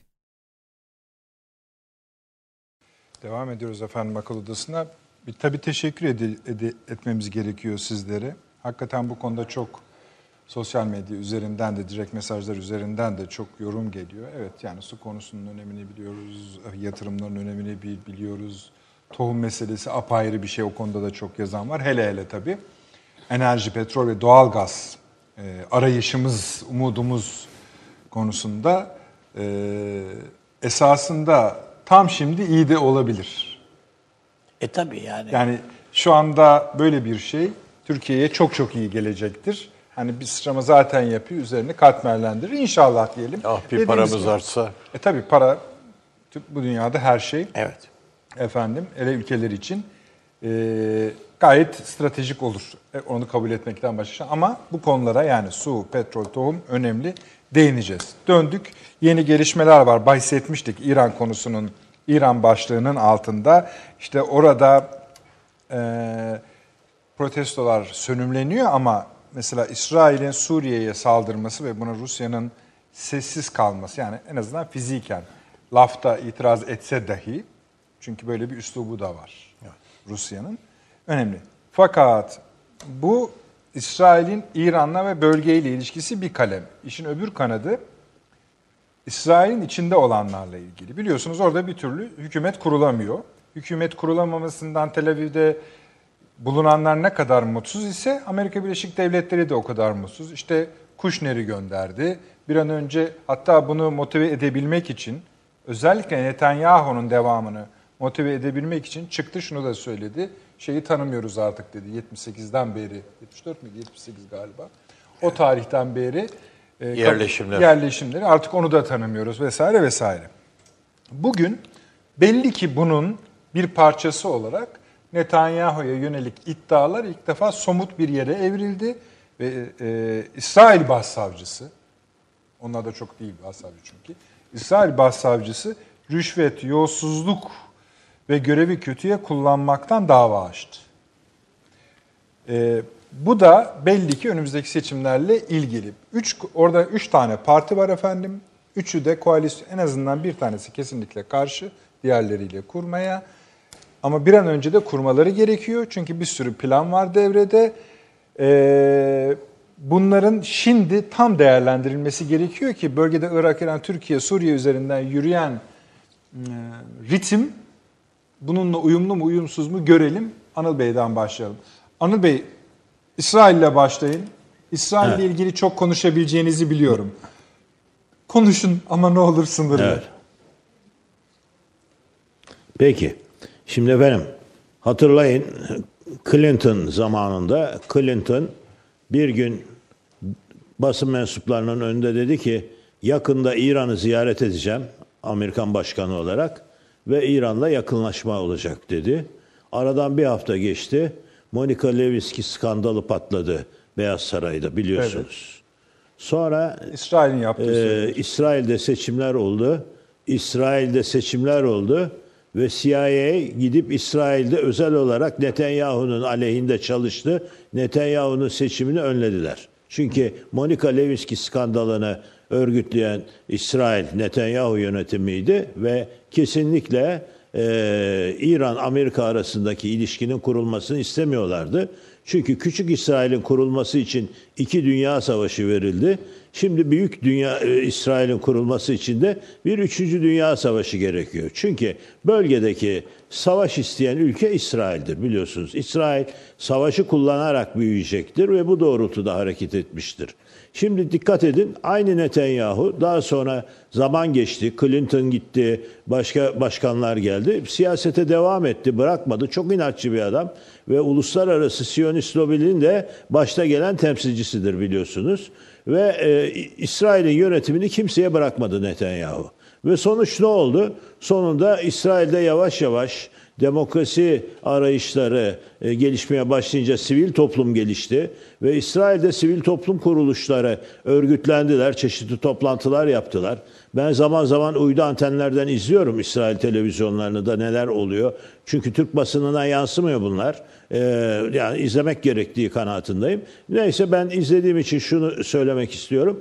İsrail halkı yavaş yavaş Netanyahu'dan bıkmaya başladı ve e, özellikle Siyonist politikalara devletin alet edilmesiyle e, İsrail'in giderek bir cephe ülkesine dönüşmesi, savaş riskinin giderek artması ki biliyorsunuz bu arada Lübnan üzerinden Hizbullah e, bir saldırı e, da bulundu İsrail'e karşı ve o noktada da e, İsrail'le e, ilişkiler giderek bölge ülkeleri arasında daha da sertleşti. Şimdi geldiğimiz noktada e, İsrail'de çok ilginç bir konu e, durum var. E, Netanyahu hala ısrar ediyor ama iktidara gelemiyor. Bakın e, çok e, ısrar etmesine rağmen Siyonist lobilerin etkisi, Amerika'daki evangelik lobilerin desteği de yeterli olmuyor İsrail'de Netanyahu'nun hükümeti kurmasına Evet. ve bu noktada yavaş yavaş İsrail halkının sivil inisiyatifi gelişerek o sivil toplum inisiyatifinin eski genelkurmay başkanını siyasete soktuğunu bakın e, adam asker e, genelkurmay başkanlığından geliyor savaş için gelmiyor. Sivil e, yönetici Evet, evet. savaşçı olması nedeniyle asker yönetici savaşa Bu karşı doğru. sivil toplum kuruluşlarının adayı olarak seçimlere giriyor ve kazanıyor. Şimdi bu, bu çok önemli. İsrail'deki bu değişim eğer önümüzdeki seçimlerde Netanyahu'nun seçimi önlenirse o zaman e, Genelkurmay eski Genelkurmay Başkanı'nın İsrail halkının desteğiyle yeni hükümeti kurması söz konusu olacak ve yeni hükümet savaştan uzak hareket edecek. Çünkü İsrail halkı artık savaş gündeme gelirse ülkeyi terk etmeye hazırlanıyor. Nitekim yanı başımızdaki Makedonya'da yeni gelişmeler oluyor. Herhalde bunu izliyorsunuzdur. Bakın ismini değiştirdiler. Ee, biliyorsunuz Makedonya'nın başkenti Selanik'ti. Birinci Dünya Savaşı süreci içerisinde e, Selanik e, Makedonya'da koptu Yunanistan'a bağlandı. E, şimdi Kuzey e, Makedonya, Güney Makedonya meselesi tartışmaları ortaya çıkıyor ve İsrail'de giderek Netanyahu'nun ısrarlı e, yıllardır devam eden bu savaş e, macerasından İsrail kopmaya çalışıyor. Eğer kopabilirse yani önümüzdeki seçimi Genelkurmay Başkanı kazanır ve hükümeti Gantz. kurabilirse ki bu noktada Li- Lieberman diye bir eski Dışişleri Bakanı var Avigdor, biliyorsunuz. evet, onun o da kilit partisi konuma var. geldi ve Avigdor evet ve Lieberman çok açık bir şekilde de tavır koyuyor. Yani Netanyahu'ya e, bu şeye ki kendisi de aslında çok fanatik bir Siyonist Lieberman ve e, Tanıyoruz savaştan yana ama Netanyahu ile ciddi şeysi var, e, problemi var ve Netanyahu da şimdi işte bazı siyasiler için gündeme geldiği gibi iktidarları uzun süre sürme noktasında bazı e, yolsuzluklar ya da işte ekonomik sorunlar ortaya çıkıyor ve şimdi e, gelinen noktada bugüne kadar e, demokratik yoldan tasfiye edilemeyen e, Siyonizmin e, temsilcisi Netanyahu'nun artık devlet soruyla e, mahkemeye gönderilerek seçim öncesinde e, yargılanma noktasına geldiğini görüyoruz ki bu da İsrail'de demokrasinin yaşaması açısından İsrail'in önümüzdeki dönemde 3. Dünya Savaşı'na yönelik Siyonist e, e, kışkırtmalardan uzak kalması açısından İsrail'in bölge ülkeleriyle e, yaklaşarak bir normalizasyon sürecine girmesi açısından bence önemli ve Tam da bu sebeplerle. Netanyahu'nun kalmasını vur- isteyenler de var hocam. Mesela Amerika istiyor galiba. Var tamam e, bunlar tartışılıyor. E, Amerika istiyor çünkü Amerika'da hala Siyonist lobi yani ev- evangelik tabanlı Siyonist lobi etkin. Yüzyılın hakim. planı var, Kudüs görüyorsunuz var. bakın e, t- e, ama işte Amerikan devleti çöküşten kurtulmak üzere e, güçlü bir adamı getirdi. Hiç kimse e, Trump'ın seçileceğini beklemiyordu ama burada Pentagon'un çok etkin çalıştığını ve Trump'ın e, seçilmesini sağladığını görüyoruz. Çünkü küreselleşmenin sonuna gelindi artık. Küreselleşmenin sonuna gelindiği noktada devletler toparlanmaya başladılar ve bu Onu NATO konusunda Trump'ın konuşalım başı- hocam. Amerika'da iş başına gelmesiyle e, tabii NATO NATO, NATO da bu konuda e, önem Teşekkür ediyorum. Yani İsrail'i burada yani kapatabilir miyiz? İsrail'le ilgili Son cümle, son Lütfen, cümle efendim. lütfen. İsrail önümüzdeki dönemde eğer genel eski Genelkurmay Başkanı seçimle kazanırsa Netanyahu'nun Siyonist e, politikalarından e, bir e, sınırlı da olsa uzaklaşabileceği kanaatindeyim. Bu da olumlu bir gelişme olacaktır ve bölgedeki savaş konjonktürünü özellikle Amerika'da, e, Batı'da ve NATO üzerinden bir askeri hegemonya arayan lobilerin bu bölgede etkin olması açısından e, bu Peki yeni hocam, durumun çok teşekkür önemli e, yansımaları olacaktır. Çok mersi. Geleceğim konuşacağız yine Avni abi. Şimdi tabii hocamın e, gön söylediği, çizdiği tablo o pembe bir tablo. Onun ben e, gerçekleşmesi ihtimalini son derece zayıf görüyorum. Çünkü Amerika bütün kartlarını Netanyahu'nun üstüne oynamış vaziyette. Gönül ister ama diyorsunuz. Tabii. Yani mümkün olsa Batı Şeria yetmez. Gazze'yi Mazze'yi de katı verelim. Elimizdeymişken diyecekler adamlar. Yani o bakımdan hiç ümit var değilim bu konuda.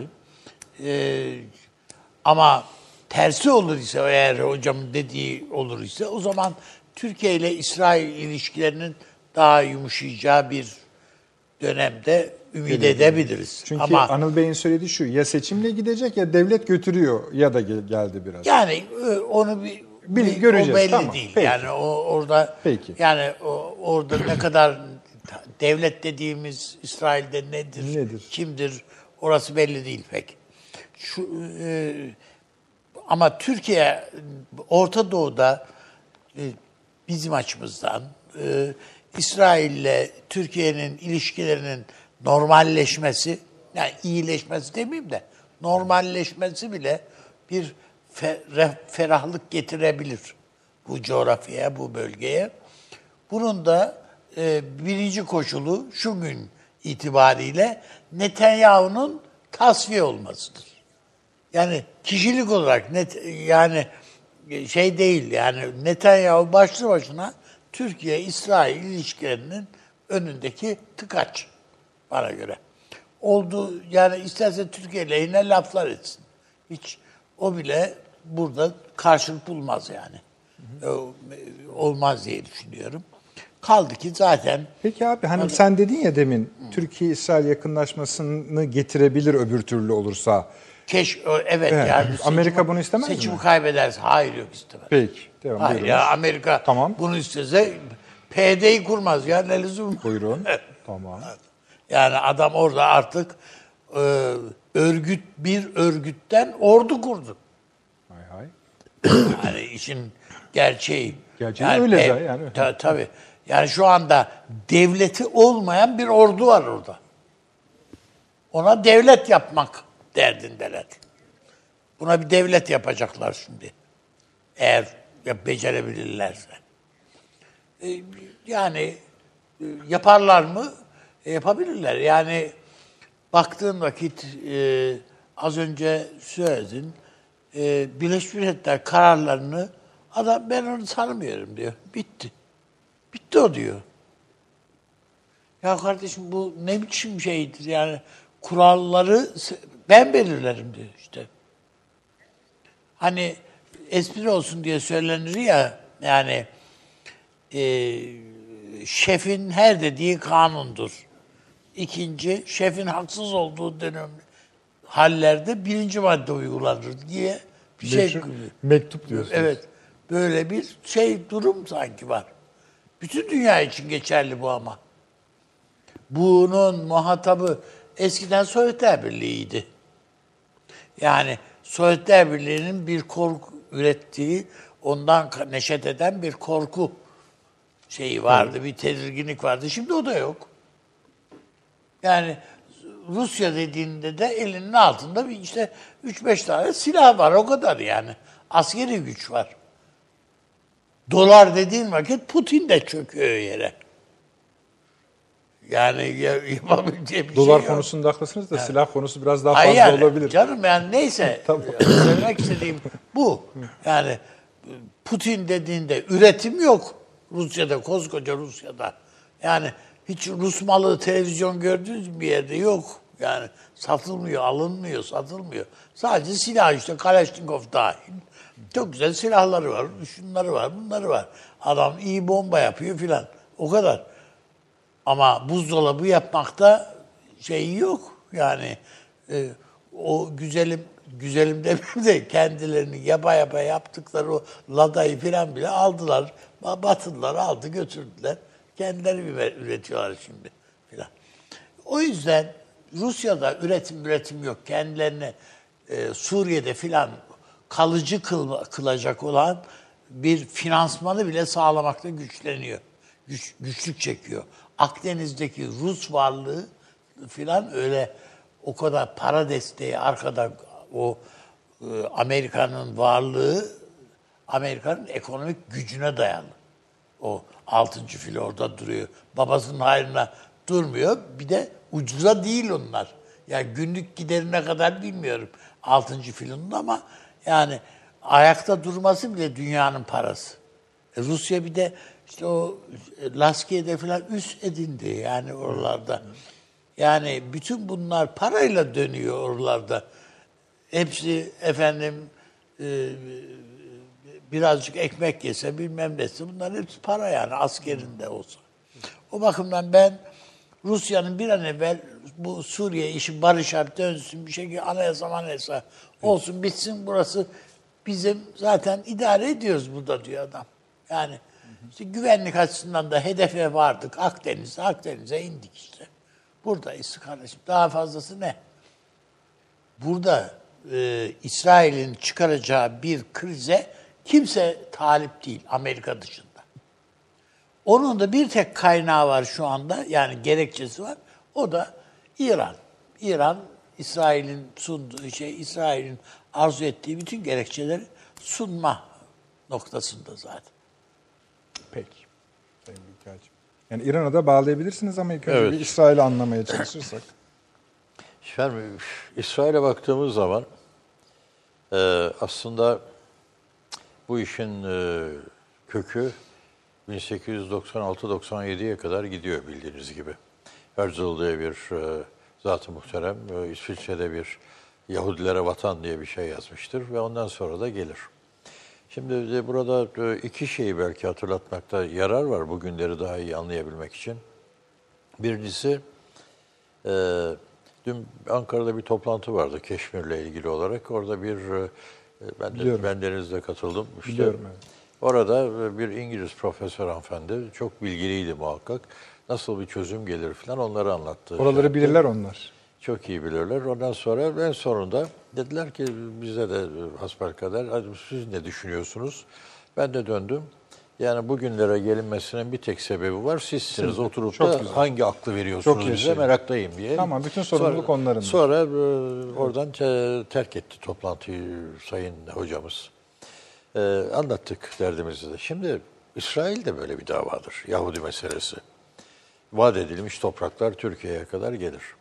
Şimdi efendim birincisi İngilizler 1938 yılına kadar yanını okudular. Başlangıçta bir tek Yahudi yokken 1936 yılında buradaki genel grev ve e, çatışmalar çıktığı zaman yerel halkla Yahudiler arasında İngiltere bunların arkasına geçti e, topyekun ve Arapları ve e, Filistinlileri suçladı. Bin- Ve sonunda altından kalkamayınca işin 1938'de Lord Peel Komisyonu diye bir komisyon kurdu. Bu komisyondan çıkan bir tek karar vardır çok önemli. İki devletli bir çözümden başka burada barış getirebilecek hiçbir şey olamaz dedi. Şimdi e, buraya kadar iyi. 1902. Dünya Savaşı'nda İngiltere çöktü. Yani çok özetle söyleyeceğim. Bugünü çok etkilediği için e, anlatıyorum bunu. 1947 yılında Birleşmiş Milletler Güvenlik Konseyi'nde Amerika'ya havale etti İngiltere bütün meseleyi. Şimdi burada sıkı durmak lazım efendim. O günden başlayarak 750 bin Filistinliye karşı 375 bin Yahudi nüfusa kadar burası çıkmıştı. Fakat ellerinde satın alarak da büyük bir kısmını ele geçirdikleri toprakları miktar olarak %6 ila 8 arasında bir e, şeyi var. Yani toplam o Filistin e, toprağı diye bilinen kısmı %6 ila 8 arasında bir. Yani değişiyor 6 diyen de var 8 diyen de var. En iyimser tahminim. Amerika Birleşik Devletleri Güvenlik Konseyi'nde Yahudilere yüzde 56.7'lik bir toprak verilmesi kararını çıkarttı. Ve böylece e, o andan itibaren e, buradaki İsrail meselesi çok başka bir boyutta ortaya çıkmıştır. Şimdi burada 40 bin tane İsrail milisi dört devletin Mısır, Ürdün, Lübnan ve Suriye ordularının tamamına diz çöktürerek o günden başlamak suretiyle bugüne kadar kendi topraklarını güvencesini de sağlayacak şekilde büyütmüş ve bugün bir dikdörtgen şekline getirebilmiştir topraklarını. Şimdi buna baktığımız zaman iki faktörü çok net olarak bu rakamlar da ortaya koyuyor. Amerika Birleşik Devletleri'nde var olan Yahudi lobisi fevkalade güçlü ve Amerika Birleşik Devletleri bir dış politika konusunda İsrail'e rağmen bir karar alamaz. İddia ile söylüyorum. İsrail'e rağmen bir karar alamaz. Çok etkilidirler. Şimdi bunun bir adım daha ilerisine gidelim. Ee, bu 40 bin e, milis İkinci Dünya Savaşı'nda savaşmış, çok eğitimli falan, okumuş etmiş. E, hepsi değişik ülkelerden Bunların geldiği için. Moşe dayanlar falan var Tabii. yani. Ha, şimdi bunu niçin Efendim, söylüyorum? Goldemir Bugün o günden başlayarak bugüne kadar İsrail'in başına gelen bütün yöneticiler bu savaşların içinden yetişerek gelmiş. Hatta bunların önemli bir bölümü de terörist sıfatını taşıyan kişilerdir. Mesela Moshe Dayan bir Filistin kasabı olarak adlandırılır. Bugün Netanyahu da bu kökten gelen bir insandır savaşmış fiilen e, şey yapmış ve fevkalade katı. E, Ve e, Siyonist anlayışını en üst düzeye kadar taşıyor. Şimdi Burada çok önemli ikinci bir faktör de şudur İsrail'de. Sağ-sol meselesi zaman içinde gelişmiştir bu. Sol iktidara geldiği her seferinde Evet. barış ümitleri artmış ve toplantılar falan yapılmıştır. Sağ iktidara geldiği zaman hiçbir yere gitmez, savaş vardır. Şimdi sol iktidara geldi biliyorsunuz e, öldürdüler. e, İshak Rabin. Evet. İshak Rabin'i. Ondan sonra değişti. Ondan zaten. sonra sağcıların hakim olduğu bir pozisyona geçildi İsrail'de. Bugün de bu şekilde gidiyor. Uzatmamak için bunları atlıyorum. İki şey daha söylemek istiyorum bu kapsamda. Hala hazırda iki seçim yapıldı. Biri 2018 sonunda, ikincisi de 7 ay sonra 2019'da iki seçim. Her iki seçimden de sonuç çıkmadı. Burada bir koalisyon çıkmıyor. Lieberman çok net bir biçimde, bu da aşırıdır e, tutumunda, çok milliyetçidir. Ee, Daha evvelki e, koalisyonları da bozan kişidir, ben gelmeyeceğim diye. Lieberman, ben yokum artık bu iş içinde, siz kendi derdinize bakın dedi. Mavilerle Netanyahu arasında da e, az bir oy farkı var. E, Birine veriyor olmuyor, ikincisinde olmuyor. Şimdi yakın gelecekte çok büyük bir ihtimalle üçüncü bir seçime İsrail'in gitmesi söz konusu. Bu bekleniyor. Ama üçüncü seçimden çıkacak sonuçta bu bölünmüşlük içinde bugünküden farklı olmaz. Dolayısıyla burada bir çözüm getirmek istiyorsanız her şeyden evvel e, yeni bir e, düzenin ortaya çıkmasını sağlamanız lazım. Bu içeriden tepki oylarıyla halk tarafından reysen e, hayat verilebilecek bir konu olduğu gibi aynı zamanda Amerika Birleşik Devletleri'nin himmet ve himayesinde birilerinin bir şeyler yapmasının sağlanması noktasına da taşınabilir. Ee, Trump bu manada fevkalade tehlikeli ama bir evangelist olarak e, çok yakınlar biliyorsunuz Yahudilerle e, inanç bir birliği var. Ee, Çok e, acayip şeyler yapıyor. Evvela Kudüs dedi e, perişan etti, Golan dedi perişan etti. Şimdi yerleşim yerleri söylediğiniz gibi e, bunları da legalize ediyor. Yani başka bir deyişle başlangıçta yukarıdan aşağıya gelen ve ortası oyuk olan Şeria, Batı ve Doğu Şeria olarak Batı Şeria'da oyuktu başlangıçta ilk kurulduğunda. Yani Amerika yüzde 50 ya 6.7'yi verdiği zaman bu güvenlik açısından İsrail'i çok, çok e, e, meşgul eden bir sıkıntıydı. Bu sıkıntıyı aşabilmek için ne yapacak? Mesela Sina'yı aldı verdi vesaire derdi o değil. Hala hazırda İsrail haritasına baktığınız zaman bu haritadır efendim. Lut Gölü'nden başlayarak denize kadar yukarıdan aşağıya dikdörtgen sağlanmıştır. Ve burası Amerika Birleşik Devletleri'nin de İsrail için biçtiği kaftanın adıdır. Bu olacaktır diye. Bu olduğu andan itibaren de sıkıntı büyüyor. Şimdi diğer ikinci bir konu, o da e, çok e, ilginçtir. E, Kuartet diye bir olay var. 2002 yılında evvela Powell, o zaman Dışişleri Bakanı'ydı bu Körfez krizindeki Genelkurmay Başkanı. İlk o açıkladı. Sonra da 2003 yılında e, Bush açıklamasını yaptı. Kuartet e, burada e, 4-5 yıl içinde, 3 yıl olarak koydular ama uzuyordu biraz. 3 etaplı olarak bir barış planı. O da iki devlet esası üzerinden gidecek. Beceremediler. Fakat buradaki en önemli faktör şudur. O gün e, Amerika Birleşik Devletleri bu kuartet kimdir? Amerika, Rusya, Birleşmiş Milletler, Avrupa Birliği. Avrupa Birliği siyasi açıdan bir cüce hiç en ufak bir şekilde bir etkinlik falan yok. Askeri açıdan da hiç yok zaten konuşuruz gene. Ee, aynı şekilde Birleşmiş Milletler Amerika'nın mutlak hegemonyası altında yürüyor vetolar. Rusya'nın hiç sesini bugüne kadar duymazdık. 2018 yılında Netanyahu 7 kere Moskova'ya gitti. Doğru. Ayağına İnanılmazdır sayın. gitti. Ve bu arada e, Rusya ile bir anlaşmaya vardılar. Bu anlaşma Rusya'yı Orta Doğu denkleminin içine çekmiştir. Hala hazırda işte S-400 füzeleri, S-300 füzeleri vesaire bunlar da veriliyor şeylere.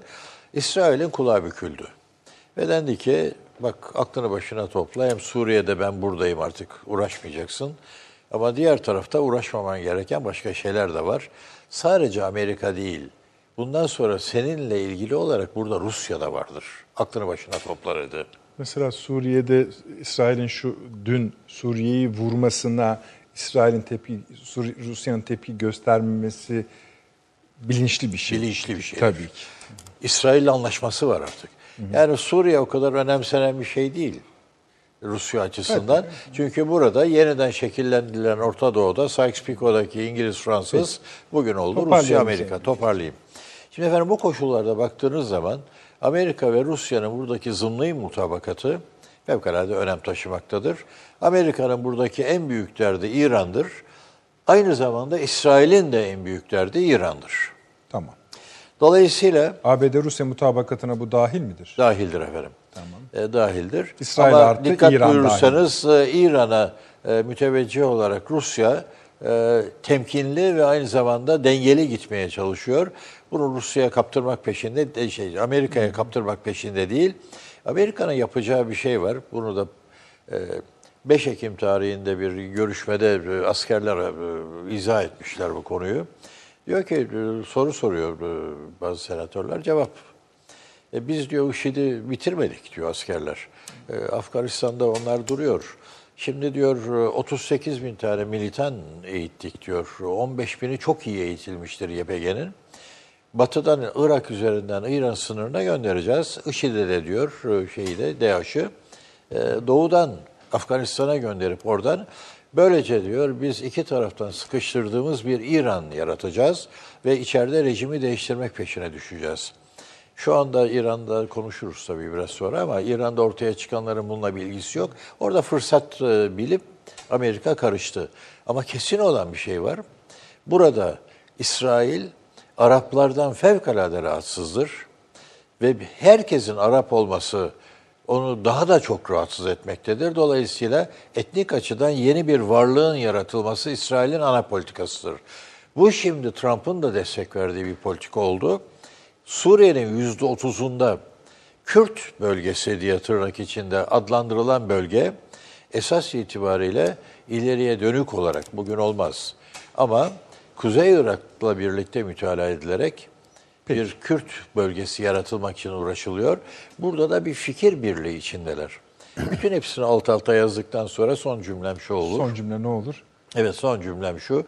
Ee, normal şartlarda Netanyahu da gelse veya Başkası. bir başkası da gelse İsrail'in temel politikasının değişme ihtimal ve imkanı yoktur. Çünkü o survival dedikleri kendi yönünden ayakta kalıp yaşayabilme politikasının adıdır ve 1947'den bu yana da hiç Bu değişmemiştir efendim. gider. Abi bir şey diyeceksin, kapatalım. Doğru. Anıl Hocam bir şey söyleyecekseniz Bey, başka konuya. bu konuda- buyurun buyurun. Evet bir, ek- bir ekleme yapmak istiyorum. Tamam, sonra yine Ben sizden şimdi, devam e, edeceğim. biliyorsunuz e, Buyurun buyurun. De- devam edeyim mi? Edin, edin, tabii. E, biliyorsunuz şimdi İsra- İsrail'in Büyük İsrail projesi yeni bir Orta Doğu haritasına dayanmaktadır. Bu harita biliyorsunuz e, Amerika'da 1980'li yıllarda yayınlanmıştır. E, İsrail, Büyük İsrail projesi ve o, o noktada da haritaya baktığımız zaman İsrail'in bölgedeki kendisini çevreleyen büyük devletlerin parçalanmasını ana hedef olarak ortaya koyduğunu görüyoruz. O plan doğrultusunda işte Türkiye'de Irak'ta dahildir buna. çıktı, Irak'ı üçe böldüler. Şimdi e, tabii tabii Türkiye'de dahil ben e, aynı kanaattayım ve bu çerçevede e, Suriye'nin beşe bölünmesi, e, Türkiye'nin işte e, Güneydoğu'dan başlayarak eyaletlere yönlendirilmesi, e, hatta bir Türk-İran savaşı çıkartılarak İran'ınla Türkiye'nin uzun süre savaşması ve İran'ın Türkiye'yi, Türkiye'nin İran'ı parçalaması, e, bunlar hep e, bu proje içerisinde var olan şeylerdir. Ama biz tabii NATO içerisinde Amerika ile müttefik olarak kaldığımız noktada, İngiltere ile müttefik olarak kaldığımız noktada e, Amerikan ve İngiliz politikalarının İsrail projesi doğrultusunda bu coğrafyadaki girişimlerine karşı gereken önlemleri alamadık ve maalesef pasif kaldık. E, zamanında önlemler alınsaydı bugün işte Güneydoğu'nun Türkiye'den kopması ya da e, Türkiye'nin e, alt kimlikler politikası üzerinden eyaletlere doğru yönlendirilmesi gibi gelişmelerle karşı karşıya kalmazdık. Benim kanaatim şu, İsrail önümüzdeki dönemde e, biliyorsunuz bu e, Büyük İsrail projesi doğrultusunda Orta Doğu'da İsrail'in kalıcı olabilmesi için çünkü tarihte İsrail üçüncü defa kurulmuştur. Daha önce de tarihe bakarsanız milattan önce ve sonra İsrail burada iki defa kurulmuştur.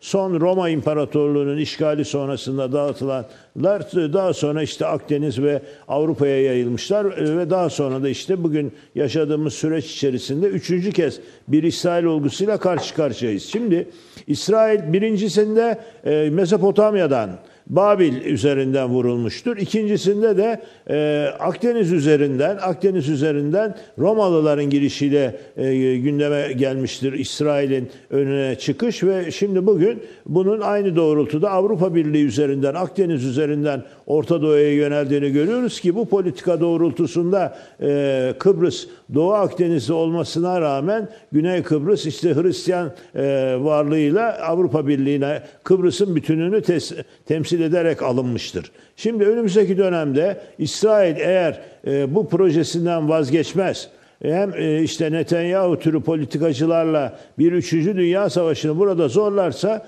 benim kanaatim İsrail'in bu Suriye savaşında e, ki e, terör örgütlerini destekleyeceği ve Suriye savaşını büyüterek Lübnan'ı da karıştıracağı ve sonunda Lüb- Lübnan'ı işgal edeceği, Lübnan üzerinden Şam'a gireceği, e, Şam'ı e, işgal edecek İsrail'in bu süreç içerisinde Türkiye'yi de işin içine katarak Halep'e yönlendireceği, önümüzdeki dönemde Halep'le Hatay arasında bir yakınlaşmanın bu coğrafyada e, gündeme getirilerek Osmanlı dönemindeki eyalet modeline benzeri bir yapılanmaya gidildiğinde Türkiye'nin elinden Hatay'ın da çıkacağı, ve bu süreç içerisinde gene işte bakın mesela demin Uluç Bey söyledi e, doğalgaz alanının adını Leviathan diye bir isim koymuştur.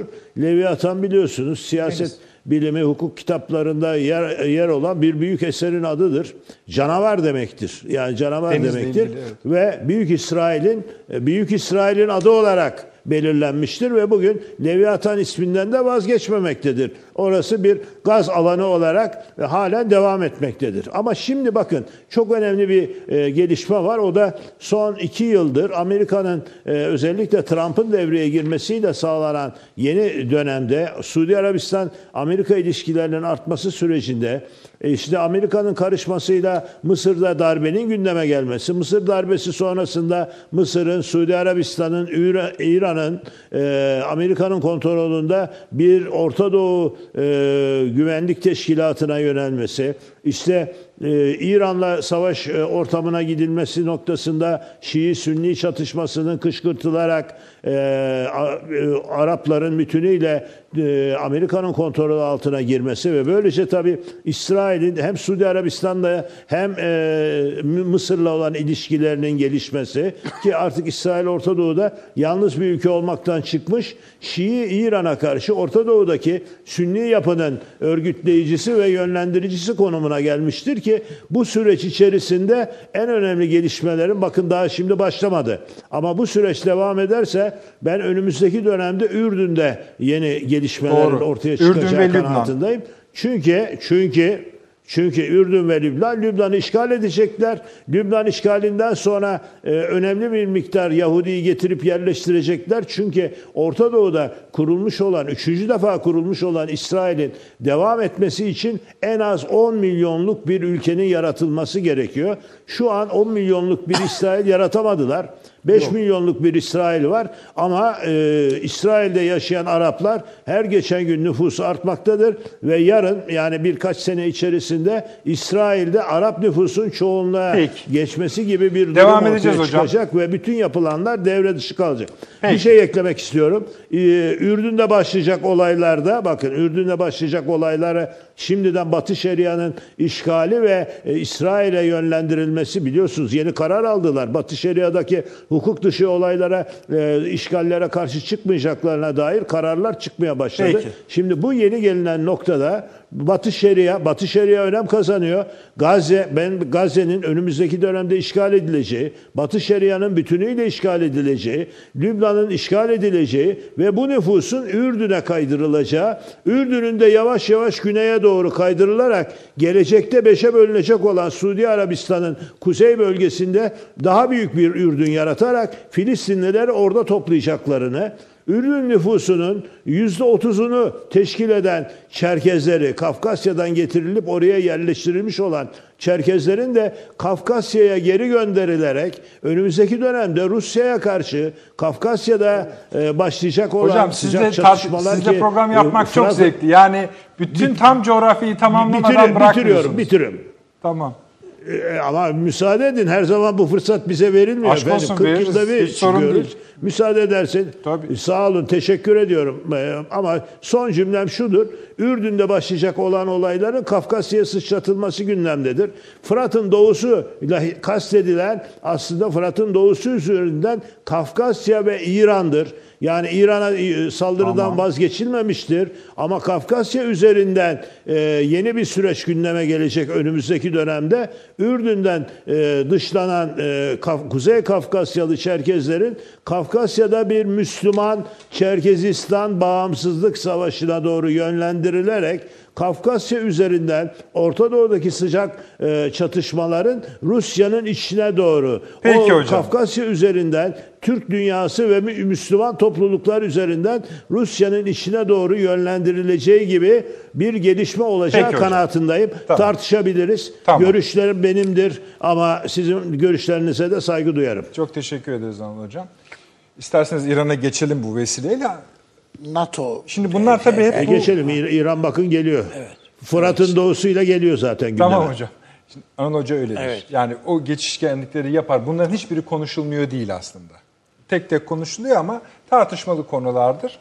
Ee, bunun bir kısmı desteklenir, bir kısmı desteklenmez. Buyurun. Şöyle söyleyeyim ben e, yani bu noktada belki şu NATO tartışması önümüzdeki dönemi belirlemek bakımından daha anlamlı görünüyor. Esasında İran işini de belirleyecek olan. Türkiye'nin ilişkilerini de belirleyecek olan bu. Evet bu e, şeyin Macron'un bu beyin ölümü gerçekleşmiştir dediği bir örgüt bu. Birdenbire ama Amerika'nın gözünde kıymete bindi. Değil mi yani? Halbuki geldiğinde o kadar Gel, hal, aşk geldiğinde yaşamıyorlar. yani hurda bir şey diye bakıyordu. doğru hantal diyorum. Hantal, şu bu filan diye bakıyordu. Ama şimdi kıymete bindi. Ama mantık olarak baktığımızda bütün bu e, şeyde Amerika'nın silah satmasında e, baktığımız veyahut da silah ticaretinde e, Batı dünyasının ölçüne NATO standardı diye bir şey koydular. Değil mi? NATO standardı demek esasında Amerikan malları demek. Aynen öyle.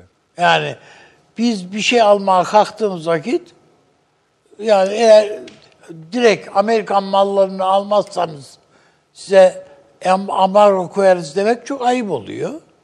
Ama NATO standartına uymuyor efendim. Dediğiniz vakit hani sen bir cemaate, bir teşkilata üyesin. E, o teşkilatın koyduğu standartlar var.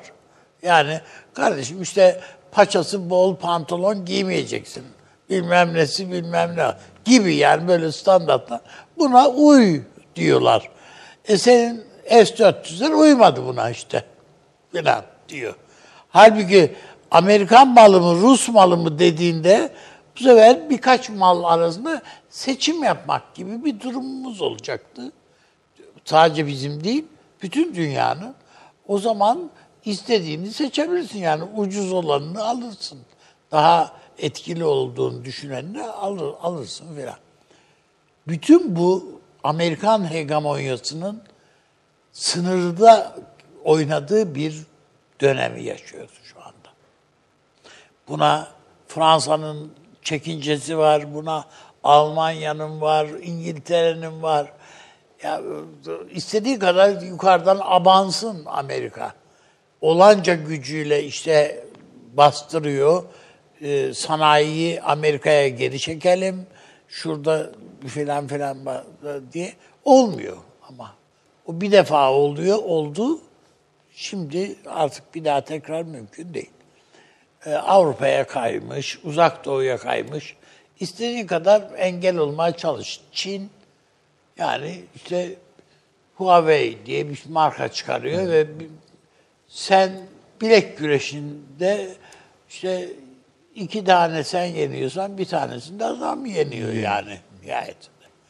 O yüzden ben önümüzdeki dönemde İran açısından da baktığımızda, bizim coğrafyamız açısından da baktığımızda bu sınırdaki tablonun Amerika açısından fevkalade hayati bir e, rol oynayacağı kanaatindeyim. Yani Amerika varlık yok. Bak biz ne kadar mesela beka meselesi diyoruz. Bu silah meselesi Amerika için de beka meselesi. Yani, satamazsın abi dedikleri anda bitti. İlahi Fatiha. Adam ne yapacak yani? Bu bütün bunları satarak geçiniyor. E Şimdi Amerika buradaki düzenin devam etmesinden yana. Yani Boeing uçaklarını yarış atlarını oradan oraya taşımak için e, piste dönüştürüp e, uçaklara uçaklarla yarış atı taşıyan Arap ülkeleri var değil mi? Arap şeyhleri var. Bunların ayakta durması Amerika için fevkalade önemli. Yani bunlar eğer yıkılırsa bunun demokrasi, demokrasi falan hiç adamın zerre kadar umuru değil. Önemi de yok ayrıca bunların. Bu adamların onun için yani gitmiş bir yerde Türkiye'de adam öldürmüşler, kesmişler, po- poşete koymuş, yok etmişler bilmem ne filan. Hiç zaten bundan önemli olmadığını Trump kendisi de söylüyor. İşte birileri için diyor ki bu en sevdiğim diktatör diyor ya. Ya yani Ki kavga o dahi Rusya'dan uçak alma falan filan Tabii gibi tabii. Yani o ona onu da azarladılar bugün. Tabii. Efendim e, ya kavgada da söylenmeyecek lafları adamların yüzüne söylüyor bu. Ve ki ağzını açan da yok değil mi yani? Avrupa'ya da aynı numaraları yaptı yani. Merkel filan hayatında o muameleyi görmemiştir. Gördü, tabii, tabii. Kimseden. bayağı Şimdi şimdi İran'da bir bilek güreşine oturdular. İşte İran'ın yakın zamanda seçimi de var. Yani kendi e, seçimi var. İran yolun devam nasıl devam edecek? Kendisi buna karar vermek zorunda. Eğer biz bu kavgayı sürdüreceğiz kardeşim.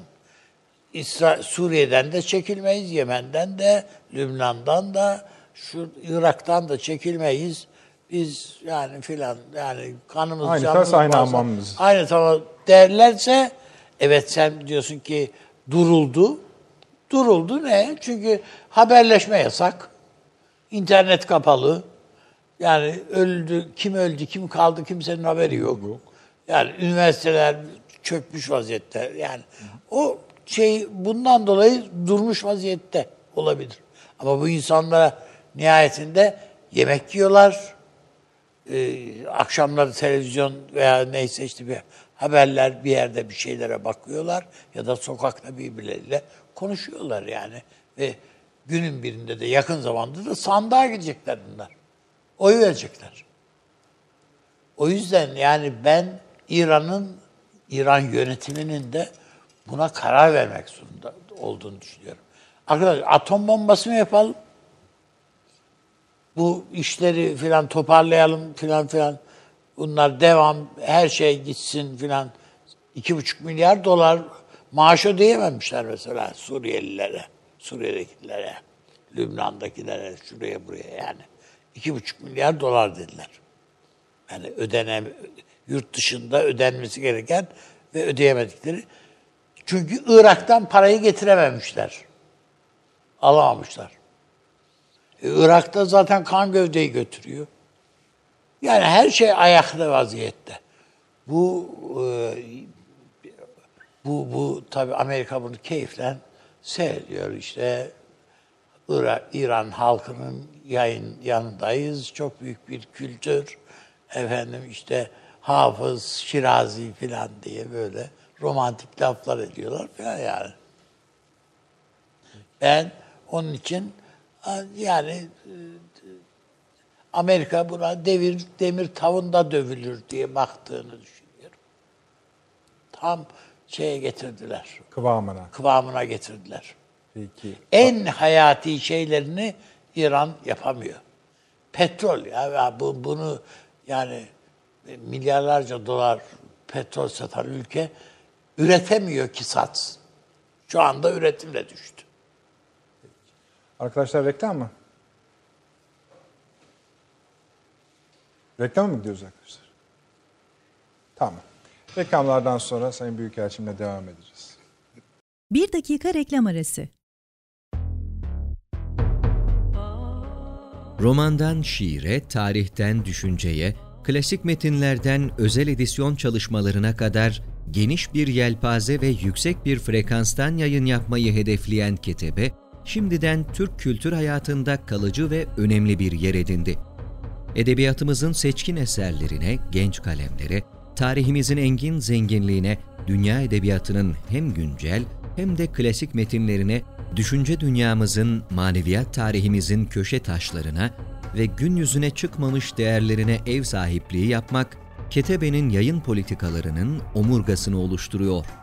Dünya standartlarında bir yayıncılık anlayışı ve deneyimli kadrosuyla yola çıkan Ketebe yayınları, kitaba, kağıda ve söze hürmet eden bir medeniyetin parçası olarak her şey geçer, yazı kalır diyor. Reklam arası sona erdi. Efendim tekrar ilginize teşekkür etmek zorundayım. Çünkü özellikle bu e, artık hepsini saymak zorundayız.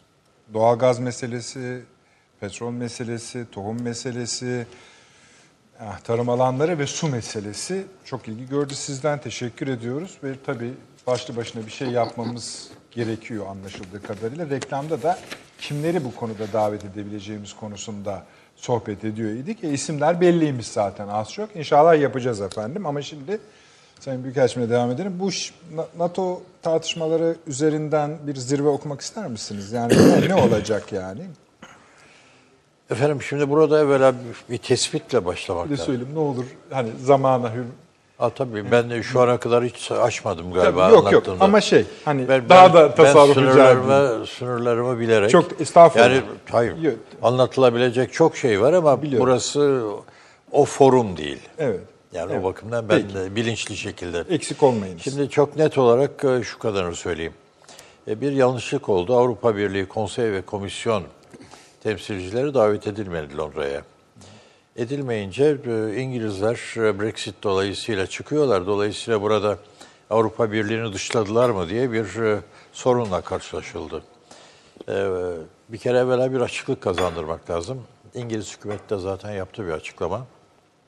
3 ve 4'ünde yapılan bu toplantılar bir yıl dönümü kutlamasıdır. Onunla mı sınırlı tutacak? O kadar. Ve dolayısıyla e, burada e, fırsattan bir istifade e, birçok konuyu da tabii ele alıp konuşabilecekler. Ama esas amaç burada 70. 70. yılın kutlanması. Bunu yaparken de Ben de aynı size zamanda... garanti veririm ki onu aşacak o iş. Şimdi mesele, mesele şu. Ee, burada e, Amerika Birleşik Devletleri'nin tutumu tabiatıyla başlı başına bir sorun yaratıyor. Ee, Fransa aslında e, Dışişleri Bakanları düzeyinde yapılan en son toplantıda 3-4 e, zirvesini hazırlamak için e, Fransa akıl almaz şekilde e, baskı altına alındı. Ee, sen e, beyinden bahsettin biraz ama aslında beyinsiz olan sensin dediler. Doğru doğru çok ağır ifadeler Çünkü, çünkü netice itibariyle burada bugüne kadar ne katkıda bulundun ki veya ne yapabildin ki oturup da e, diğer bütün bu hususları tartışmaya açabilecek cesarete kendinde görüyorsun. Şimdi Amerika'nın biliyorsunuz e, bir e, net bir tutumu var. Trump e, kendine biat etmeni sevmiyor ve bu arada NATO'yu da geldiği günden itibaren bütün ticaret anlaşmalarını bir kere attı. Hepsini bozdu. Akabinde NATO'ya da saldırdı. Ve dedi ki siz yeteri kadar para ödemiyorsunuz. Dolayısıyla NATO ne işe yarıyor? İşte burada ikiye bölerek bakmak lazım işe.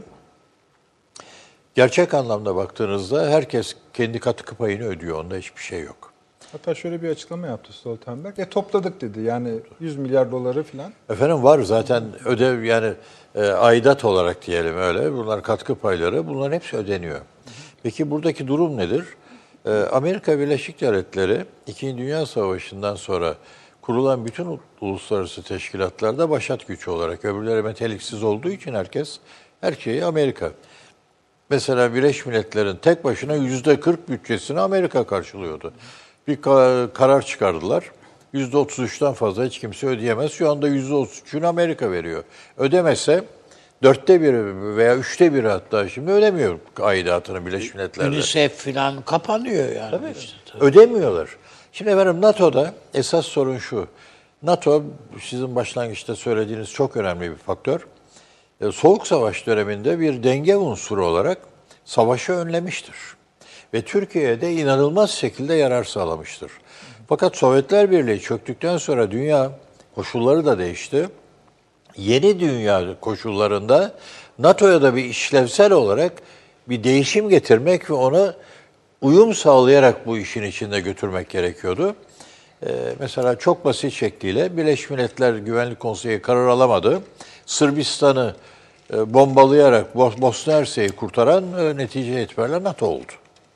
Yeni bir işlev. Biraz geç oldu ama. Geç oldu ama eğer Birleşmiş Milletler'e evvela gitmeniz lazım. Çünkü meşruiyet yaratabilmek için evvela uluslararası kuruluşa gidip oradan karar çıkarmanız lazım.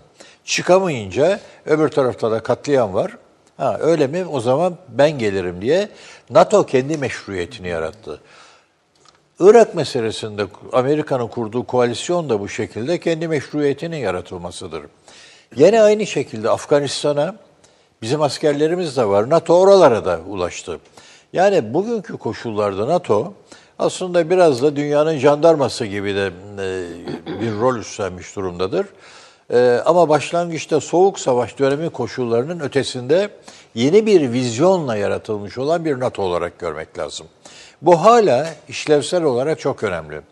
Çünkü herhangi bir şekilde tehdit oluşturabilecek bir olay ortaya çıktığı anda NATO öbür tarafta hala ayakta durduğu için acaba diye mecbur kalıyorsunuz. Bu Rusya için de geçerlidir, Çin için de. Hatta Çin en son Şangay toplantısından sonra, yani Şangay Beşlisi diyoruz ama artık o beşli çok büyüdü. Ee, Tabii tabii. Asya NATO'sunu da kurmak zamanı gelmiştir diyebildi. Evet bu cümleyi şey yaptılar. Evet. Yayınlandı da bu. Evet ve bunu yaparken de e, bir paranoya halinde e, Çin e, üzerinde yaratmış olduğu Amerika'nın e, e, söylem paranoya halinde e, Çin'le Rusya'yı da yakınlaştırmaya başladı. Dolayısıyla yeni bir dünya düzeni ve gelişmeler var. Ama NATO bu kapsam içinde hala o dengeler içinde caydırıcı unsur olmaya devam etmektedir. Ediyor mu? Ediyor. Ha, o güce sahip mi? Evet sahip. Şu manada NATO'da en önemli şey şu. NATO, NATO oy birliğiyle karar alır.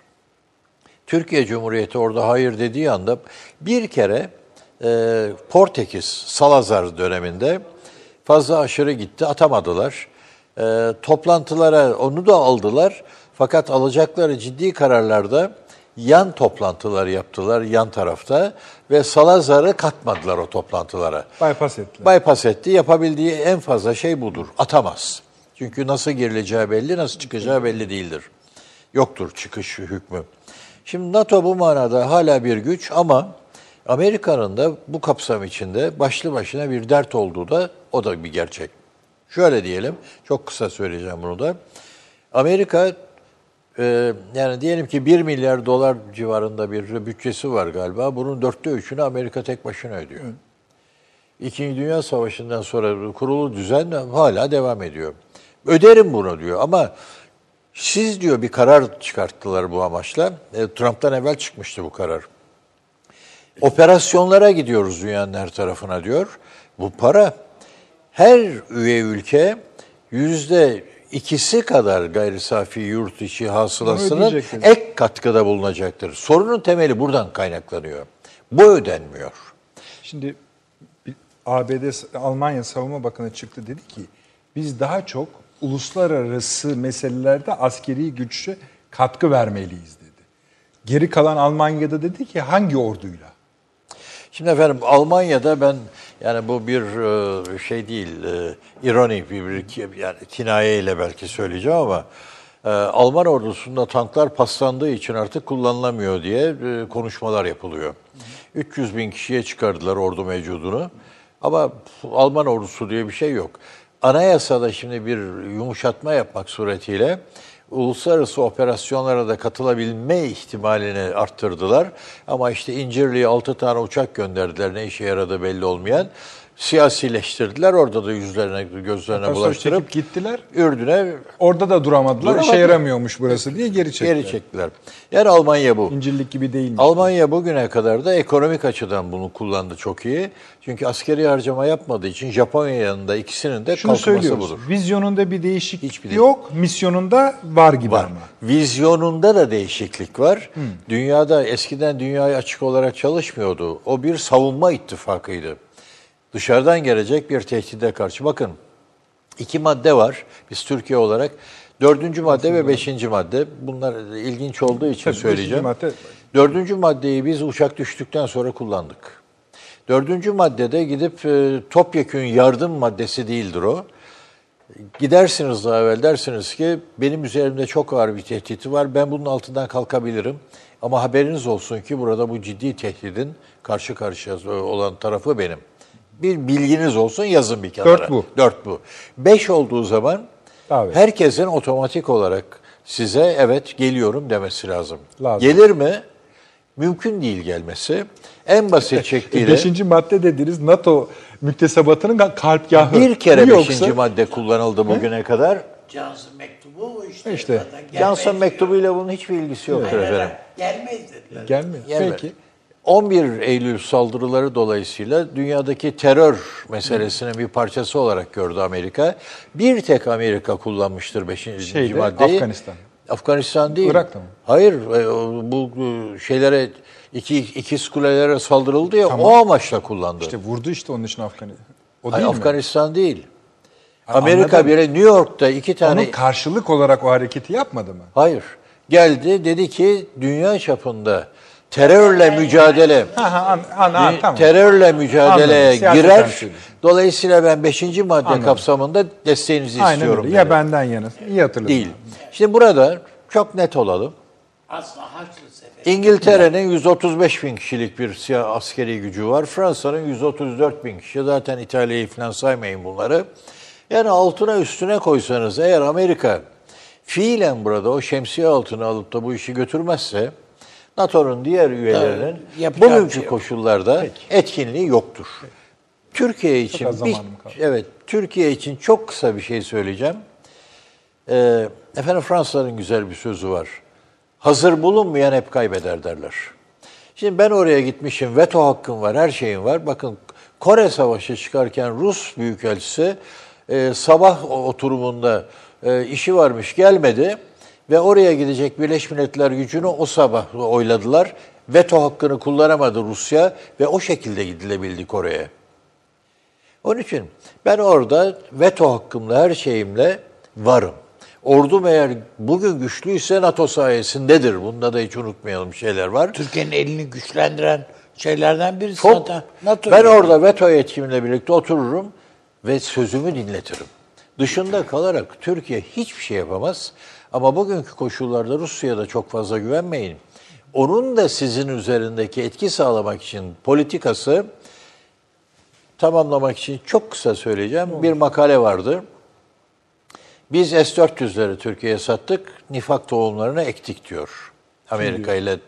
E, makale so- Moskova'da ve Putin'e yakın biri yazıyor. Şimdi uzun bir isim unuttum. E, bu diyor nifak tohumları, bu diyor NATO'ya kadar da sirayet etme ihtimali olan bir şey diyor. Ama diyor çok önemli bir şey. Biz bu noktaya işi getirebilmek için milyarlarca para harcamamız gerekirken iki buçuk milyarda mükafat aldık karşılığında diyor. Peki. Rusya'nın bakışı da budur. Budur. Şimdi ya tabii aslında bu NATO E, konuşması Rusya'nın gözünde Türkiye'nin önemi de NATO üyesi olduğu için. Tabii. tamam. Yani Oradan NATO uzaklaştırmak için tabii, uğraşıyor, onu yıkmak için. Evet. Şimdi tabii benim S-400'ler konusundaki tutumum çok belli.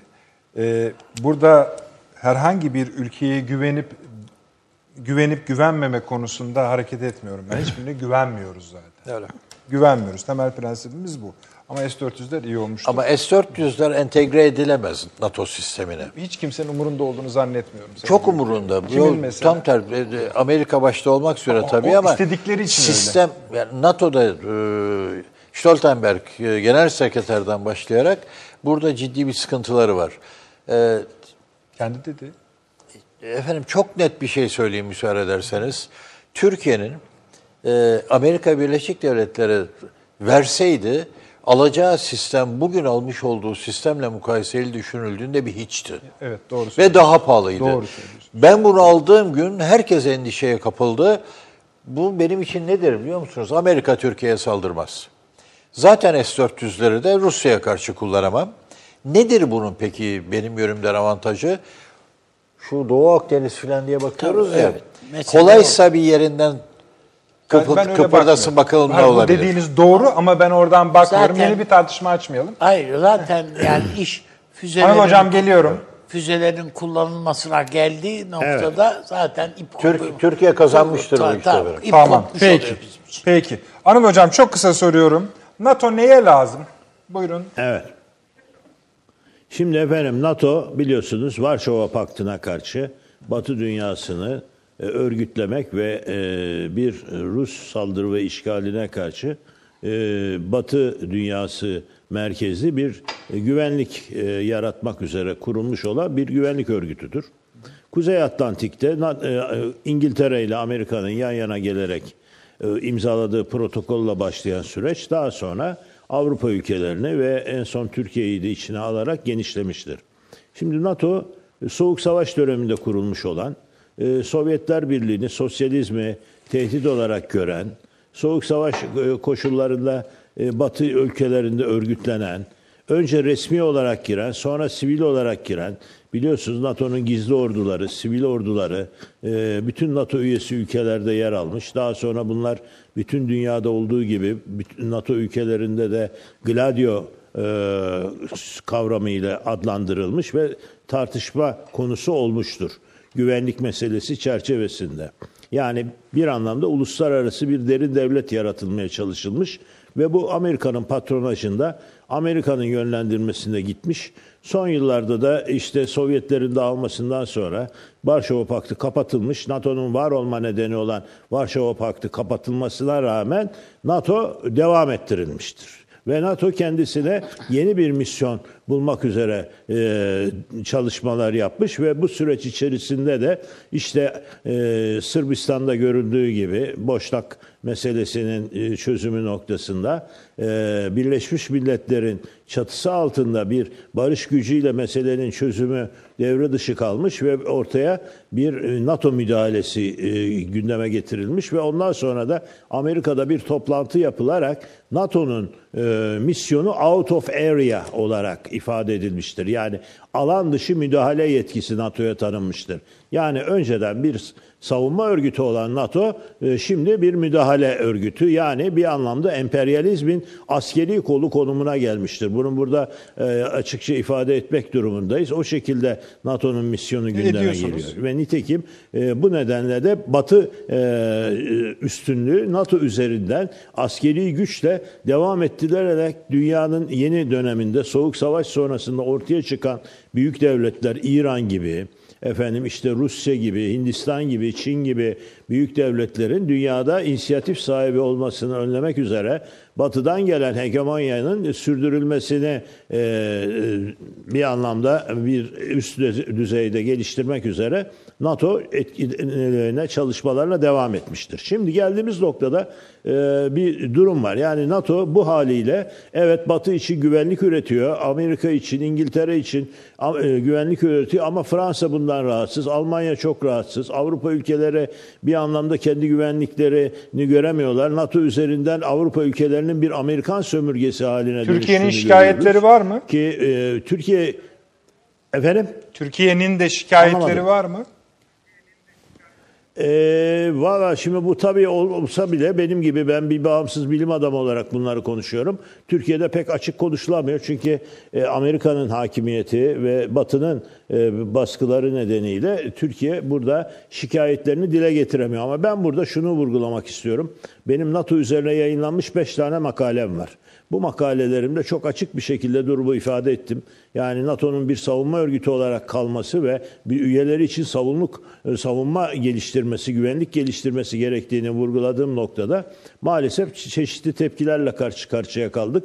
İşte en azından Güneydoğu üzerinden Türkiye'nin güvenliğini tehdit eden teröre karşı NATO'nun e, pasif kaldığını görüyoruz. Yeterince güvenlik e, noktasında Türkiye'nin üyelerinin ihtiyaçlarını karşılamadığını görüyoruz ve daha çok Amerikan hegemonyasının e, Batı üzerinde hakimiyeti, Avrupa'nın e, başını kaldırmasını önleme noktasında, Avrupa'ya sustur, otur e, deme noktasında NATO'nun kullanıldığını görüyoruz ki bakın uzun süredir Avrupa Birliği bundan rahatsız olmasına rağmen Sovyet tehdidinin ortadan kalkmasından sonra Avrupa NATO'nun e, yapısının değişmesini istemesine rağmen işte Balkanlardaki gelişme gerekçe gösterilerek alan dışı müdahale yetkisinin NATO'ya tanınmasıyla birlikte NATO'nun hala eski bir e, Atlantik e, örgütü olarak bir hegemonya e, yapılanmasını sürdürdüğünü görüyoruz ki burada dünya ülkelerinin, Avrupa ülkelerinin çok ciddi boyutlarda itirazları var ve bu noktada da yeni bir arayış gündeme geliyor. Şimdi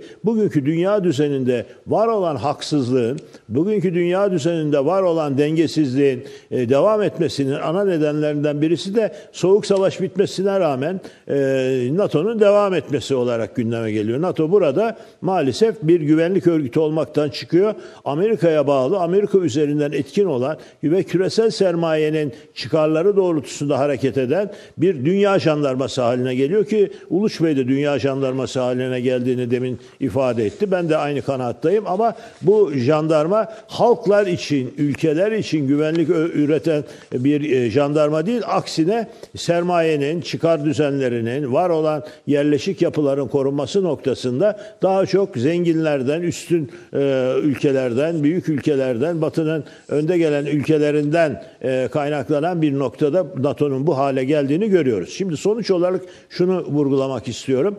E, NATO bu haliyle devam edemez. NATO'nun bu haliyle geleceğin dünya düzeninin kurulmasında e, bir e, ön açıcı, bir yardım edici, bir kolaylık sağlayıcı değil. Aksine bunu önleyici, eski hegemonya düzenini soğuk savaş bitmesine rağmen soğuk savaştaki tehditlerin önceden sosyalist sistemden tehdit bekleniyordu. Şimdi Ne yapmak lazımdır Anadolu Hocam NATO'yu? tehditlere karşı gündeme geliyor. Şimdi efendim benim bu konudaki makalelerimden bir tanesi ki 5. makalemdir. NATO'nun e, yapısının değiştirilmesi gerekmektedir. NATO bu haliyle güvenlik yerine maalesef tehdit üretmektedir. Bunu çok açık olarak gördük son yıllardaki gelişmelerde. O zaman buradan şu ortaya çıkıyor. Bakın demin siz de ifade ettiğiniz NATO'nun bir Batı e, güvenlik örgütü olarak devam etmesi noktasına bir Avrupa e, üzerinden Batı hegemonyasına NATO devam ettirdiği noktada buna karşı Asya'dan bir inisiyatifin gündeme gelebileceği, bir Asya NATO'sunun düşünülebileceği. Bu noktada zaten biliyorsunuz bu Şangay örgütü aslında önce bir ekonomik yardımlaşma örgütü olarak gündeme geldi. Ama daha sonra e, Amerika'nın NATO'yu e, Afganistan'a kadar uzandırması bir hegemonya örgütü olarak kullanması noktasında e, Şangay örgütünün de Orta Asya'da, e, Kırgızistan'da askeri manevralara e, yöneldiğini gördük. E, o zaman demek ki bir yavaş yavaş bu e, batıdan kaynaklanan inisiyatif saldırısının e, doğudan e, bir refleks yarattığını ve doğu ülkelerinin de kendilerini bir batı hegemonyasına karşı korumaya yöneldiklerini görüyoruz. Şimdi bu böyle devam etmez. Yani bir tarafta Rusya, bir tarafta Çin, bir tarafta Amerika böyle büyük askeri güçler olarak devam edecekler. Ama ondan sonra biz NATO'nun güvenlik yarattığından bahsediyoruz. Hayır efendim. NATO bugün Amerikan hegemonyası altında kaldığı sürece bir tehdittir. Güvenlik yaratamaz çünkü buna karşı çıkan Rusya merkezli, e, Çin merkezli e, ge- gelecekteki yapılanmalar bir alternatif e, güvenlik örgütünü gündeme getirir ki bu 3. Dünya Savaşı'nın potansiyel ordularının yapılanması anlamına gelir. O zaman bu noktada yapılması gereken şudur. Bakın çok açık olarak benim bu eleştirilerim yüzünden birçok kesim beni NATO düşmanı falan ilan etmeye kalktı. Ama görüyorsunuz ki meseleyi bilimsel boyutlarda ve çok yönlü olarak ele alıp dünya güvenliği açısından değerlendirmeye çalışıyoruz. Benim somut olarak önerim şudur. NATO Birleşmiş Milletler'e bağlanmalıdır. NATO'nun inisiyatifi NATO yönetimiyle değil Anıl Hocam Birleşmiş, Birleşmiş Milletler Milletler'den Güvenlik Konseyi biz kararlarıyla. zaten. Keşke bize Onu bağlasaydınız. da değiştirelim. Şimdi efendim ona da gel Ha, şimdi ona da geleceğim. tamam, ona da olur. geleceğim. Bakın Sayın Sayın Cumhurbaşkanı Şimdi efendim Sayın Cumhurbaşkanı biliyorsunuz her sene e, Birleşmiş Milletler toplantısına gidiyor ve orada Tamam. bu haksızlığı dile getiriyor. Biz bunları yıllardır yazıyorduk ama e, tabii e, Sayın Cumhurbaşkanı gibi bunları kamuoyuna taşıma hakkımız ya da imkanlarımız yok. Ama bu çerçevede de e, bir e, olayı e, o, gündeme getirip bir çözüm, bir alternatif üretmemiz lazım. Şimdi NATO'yu eskisi gibi koruyalım ama işte Varşova Paktı olur e, olmasın. Şimdi bu devam ederse bakın Varşova'da yeni güvenlik toplantıları yapmaya başladılar. Yeniden bu iş gündeme gelebilir. Zaten Putin'in zaman zaman yeniden Sovyetler Birliği'ni kurmak gibi bir düşünceye sahip olduğuna dair yazılar çıkıyor basında. Bunları okuyoruz. E o zaman bu çerçevede konuya baktığımız zaman e, demek ki bir problem var. O problemin çözümü için böyle tek merkezler Amerika'nın hegemonya örgütü olarak bir NATO ile sonuç almamız mümkün değildir. Birleşmiş Milletler'de ciddi bir reform yapılması gerekir. Genel kurul kararlarının bağlayıcı olması gerekir. Güvenlik Konseyi'nin yeniden örgütlenmesi gerekir. Güvenlik Konseyi'ndeki daimi üyelerin 5'ten 10'a 15'e çıkarılması gerekir. Yeni ortaya çıkan büyük devletlerin de bunun içinde yer almasını sağlayacak bir şekilde ve NATO'nun bir dünya ordusuna dönüşmesi, Birleşmiş Milletler ordusuna dönüşerek e, Birleşmiş Milletler Genel Kurul kararıyla Güvenlik Konseyi'nin üst düzeyde alacağı kararla NATO hareket ederse o zaman NATO Amerika'nın ordusu olarak gidip müdahale ede- edemez. O zaman ona karşı Çin ya da Rusya alternatif Peki ordular e, gündeme getiremez. Ve Birleşmiş Milletler ordusu olarak NATO yeni yapılanmasıyla o zaman dünya için Peki hocam. güvenlik üretebilir. Çok teşekkür Hiç ederim. kimse Hem bu konularda şey- düşünmüyor, somut bir şey de tartışmıyor. söylediniz. Ben burada somut bir öneride konu. bulunuyorum. Yani Tabii. bir cümlenin oldu. Ama yani Bitti- burada bir alternatif var. Eğer dünya barışı isteniyorsa Birleşmiş Milletler yeniden yapılandırılacak ve NATO Birleşmiş Milletler ordusu olarak dünyada sıcak e, alanlara müdahale Peki. edecek. Aksi takdirde tek yönlü Batı örgütü ya da Amerikan örgütü olarak e, NATO'nun artık güvenlik teşekkür e, ediyorum üretme Hocam, şansı ortadan kalkmıştır. Çok var. Şimdi Avni abi şöyle bir sorunumuz Ben var. de teşekkür ediyorum. Şimdi Aykırı bir görüşler var. söylediğimin Bir öneri. herhalde farkındasınız. Kağıt üzerinde iyi duruyor. Tamam. Gel gelelim Sayın Büyükelçin de yani sakın şey demeyin. Sen de haklısın demeyin yani. Herkesin haklılık payları var da. NATO tehdit de içeriyor Avni Bey. E tabii doğru. İçeriyor. Yani bunu Evet, Amerika'dan işte ben onu ayı- söylemeye ayı- ayırt edemediğimiz sürece bu devam edecek. Ayırmak başka bir konu da bu tehdit üretiyor. Efendim Gladio yapılanmaları devam Tamam. ettiği sürece hiçbir ülkede güvenlik yoktur. E doğru. Yani 15 Temmuz'un bir şeyi de odur yani. Ee, siz bir formül bulabilir misiniz? Yok. Yani Amerika'nın patron olacağı bir fo- e, bütün formüller Oraya çıkıyor. oraya çıkıyor zaten. Yani A- Amerika hiçbir şekilde buna izin de vermez zaten. Yeniden. Yani ben tek hakim olduğum bir Birleşmiş Milletler olsa bunun değişmesine izin verir miyim? Yani Esasında şimdi siz O- diğerlerinin 16 ses çıkarmadığına da bakmayın. Şöyleydi. Yani tabii canım biraz daha ayrıca çıkarıyordu zaten ses de. Yani 16. yüzyılda, 17. yüzyılda Osmanlı of Ottoman dediğimiz Osmanlı hakimiyet döneminde Avrupa'nın söz söylemeye hakkı mı vardı? Yani Fransa'nın donanması borç aldığı borca karşılık rehin edilmiş bilmem ne. Yani Osmanlı padişahının öyle bir anlaşma imzalamak falan gibi bir tenezzülü bile yok yani. Falan. Böyle bir şeyde. Şimdi bu- bunun benzeri bir uygulama var. Şimdi adamın elinin altında bir NATO var. Karar alma mekanizması olarak kullanıyor NATO'yu.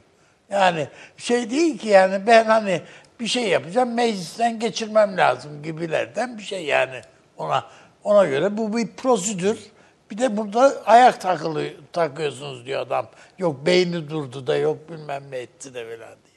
Yani hiç lüzum yok işte diyor adam. Bu, bu işleri böyle. O uymayanı da zaten pataklıyorlar. Rusya filan hepsi yani Allah razı olsun diye bakıyor yani Amerika yani bu Çin min kalkacak şimdi Varşova Paktı benzeri bir ordu kuracaklar filan. Hiç böyle bir şey akla yani yani mümkün değil. Hep Çin dediğin zaten Amerika piyasasını açsa da pazarını açsa da mal satsam diye bakan bir ülke. Yani ne yapacak yani bunlar? Fukara koalisyonu Şangay Beşlisi dediğimiz bizim.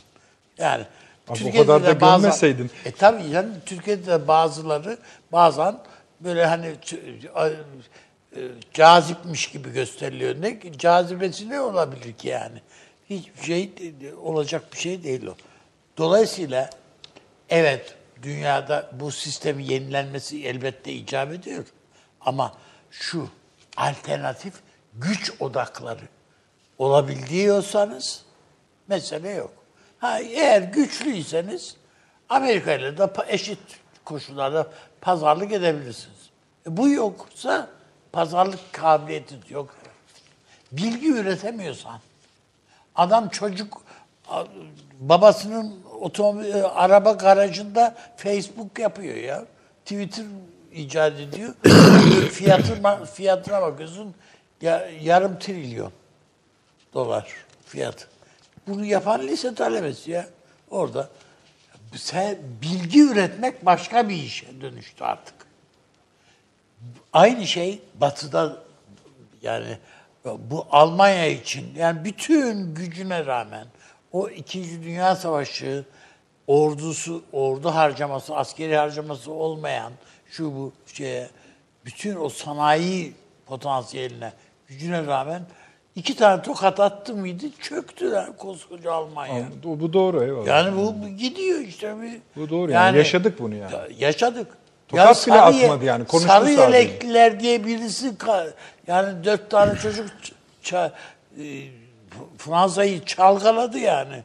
Silkeledi attı bir tarafa. Gel gelelim şu da ortada abi bir, bir adaletsizlik var. Tamam elbette adam. Var. Yani Ama- ama, bu yeni olan bir durum değil. Değil ama iyi, Yani- iyi bir durum da değil. Yani, yani eski olması büyük, bir şey Büyük İskender'in ne olduğunu hepimiz biliyoruz ama Büyük İskender işte yani idi. Yani söylemek istediğim yani bu yeni bir durum değil. Bu dünya bütün bunun kendince yani şu anda Türkiye bu manada doğru yolda. Yani ne manada?